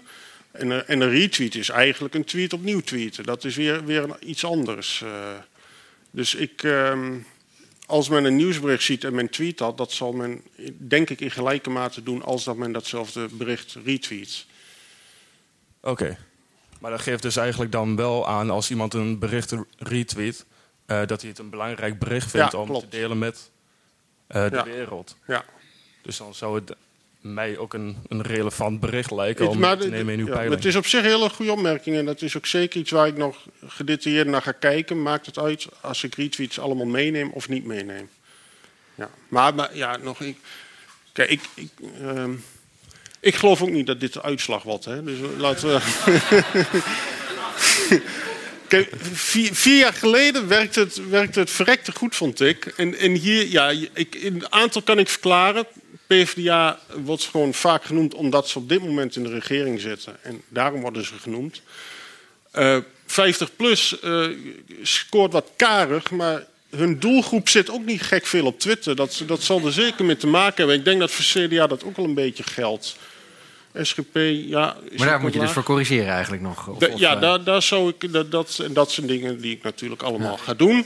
Zodat, hè, dus, de, dus de volgende verkiezingen over één of twee jaar. Want, kijk, dit is wel een nadeel. Dat het kabinet zo lang heeft gezeten, geeft mij heel weinig data. Dat is wel jammer. Dus het, eigenlijk moet er nou een paar keer een kabinet vallen. En dan kan ik het perfect eh, voorspellen straks. Goed, als u niet eens of niet eh, tevreden bent met deze uitslag, eh, snel aan het eh, twitteren straks, zodat eh, een andere. En dan hoeft u ook niet meer te gaan stemmen, dat is dan helemaal irrelevant eh, geworden, denk ik.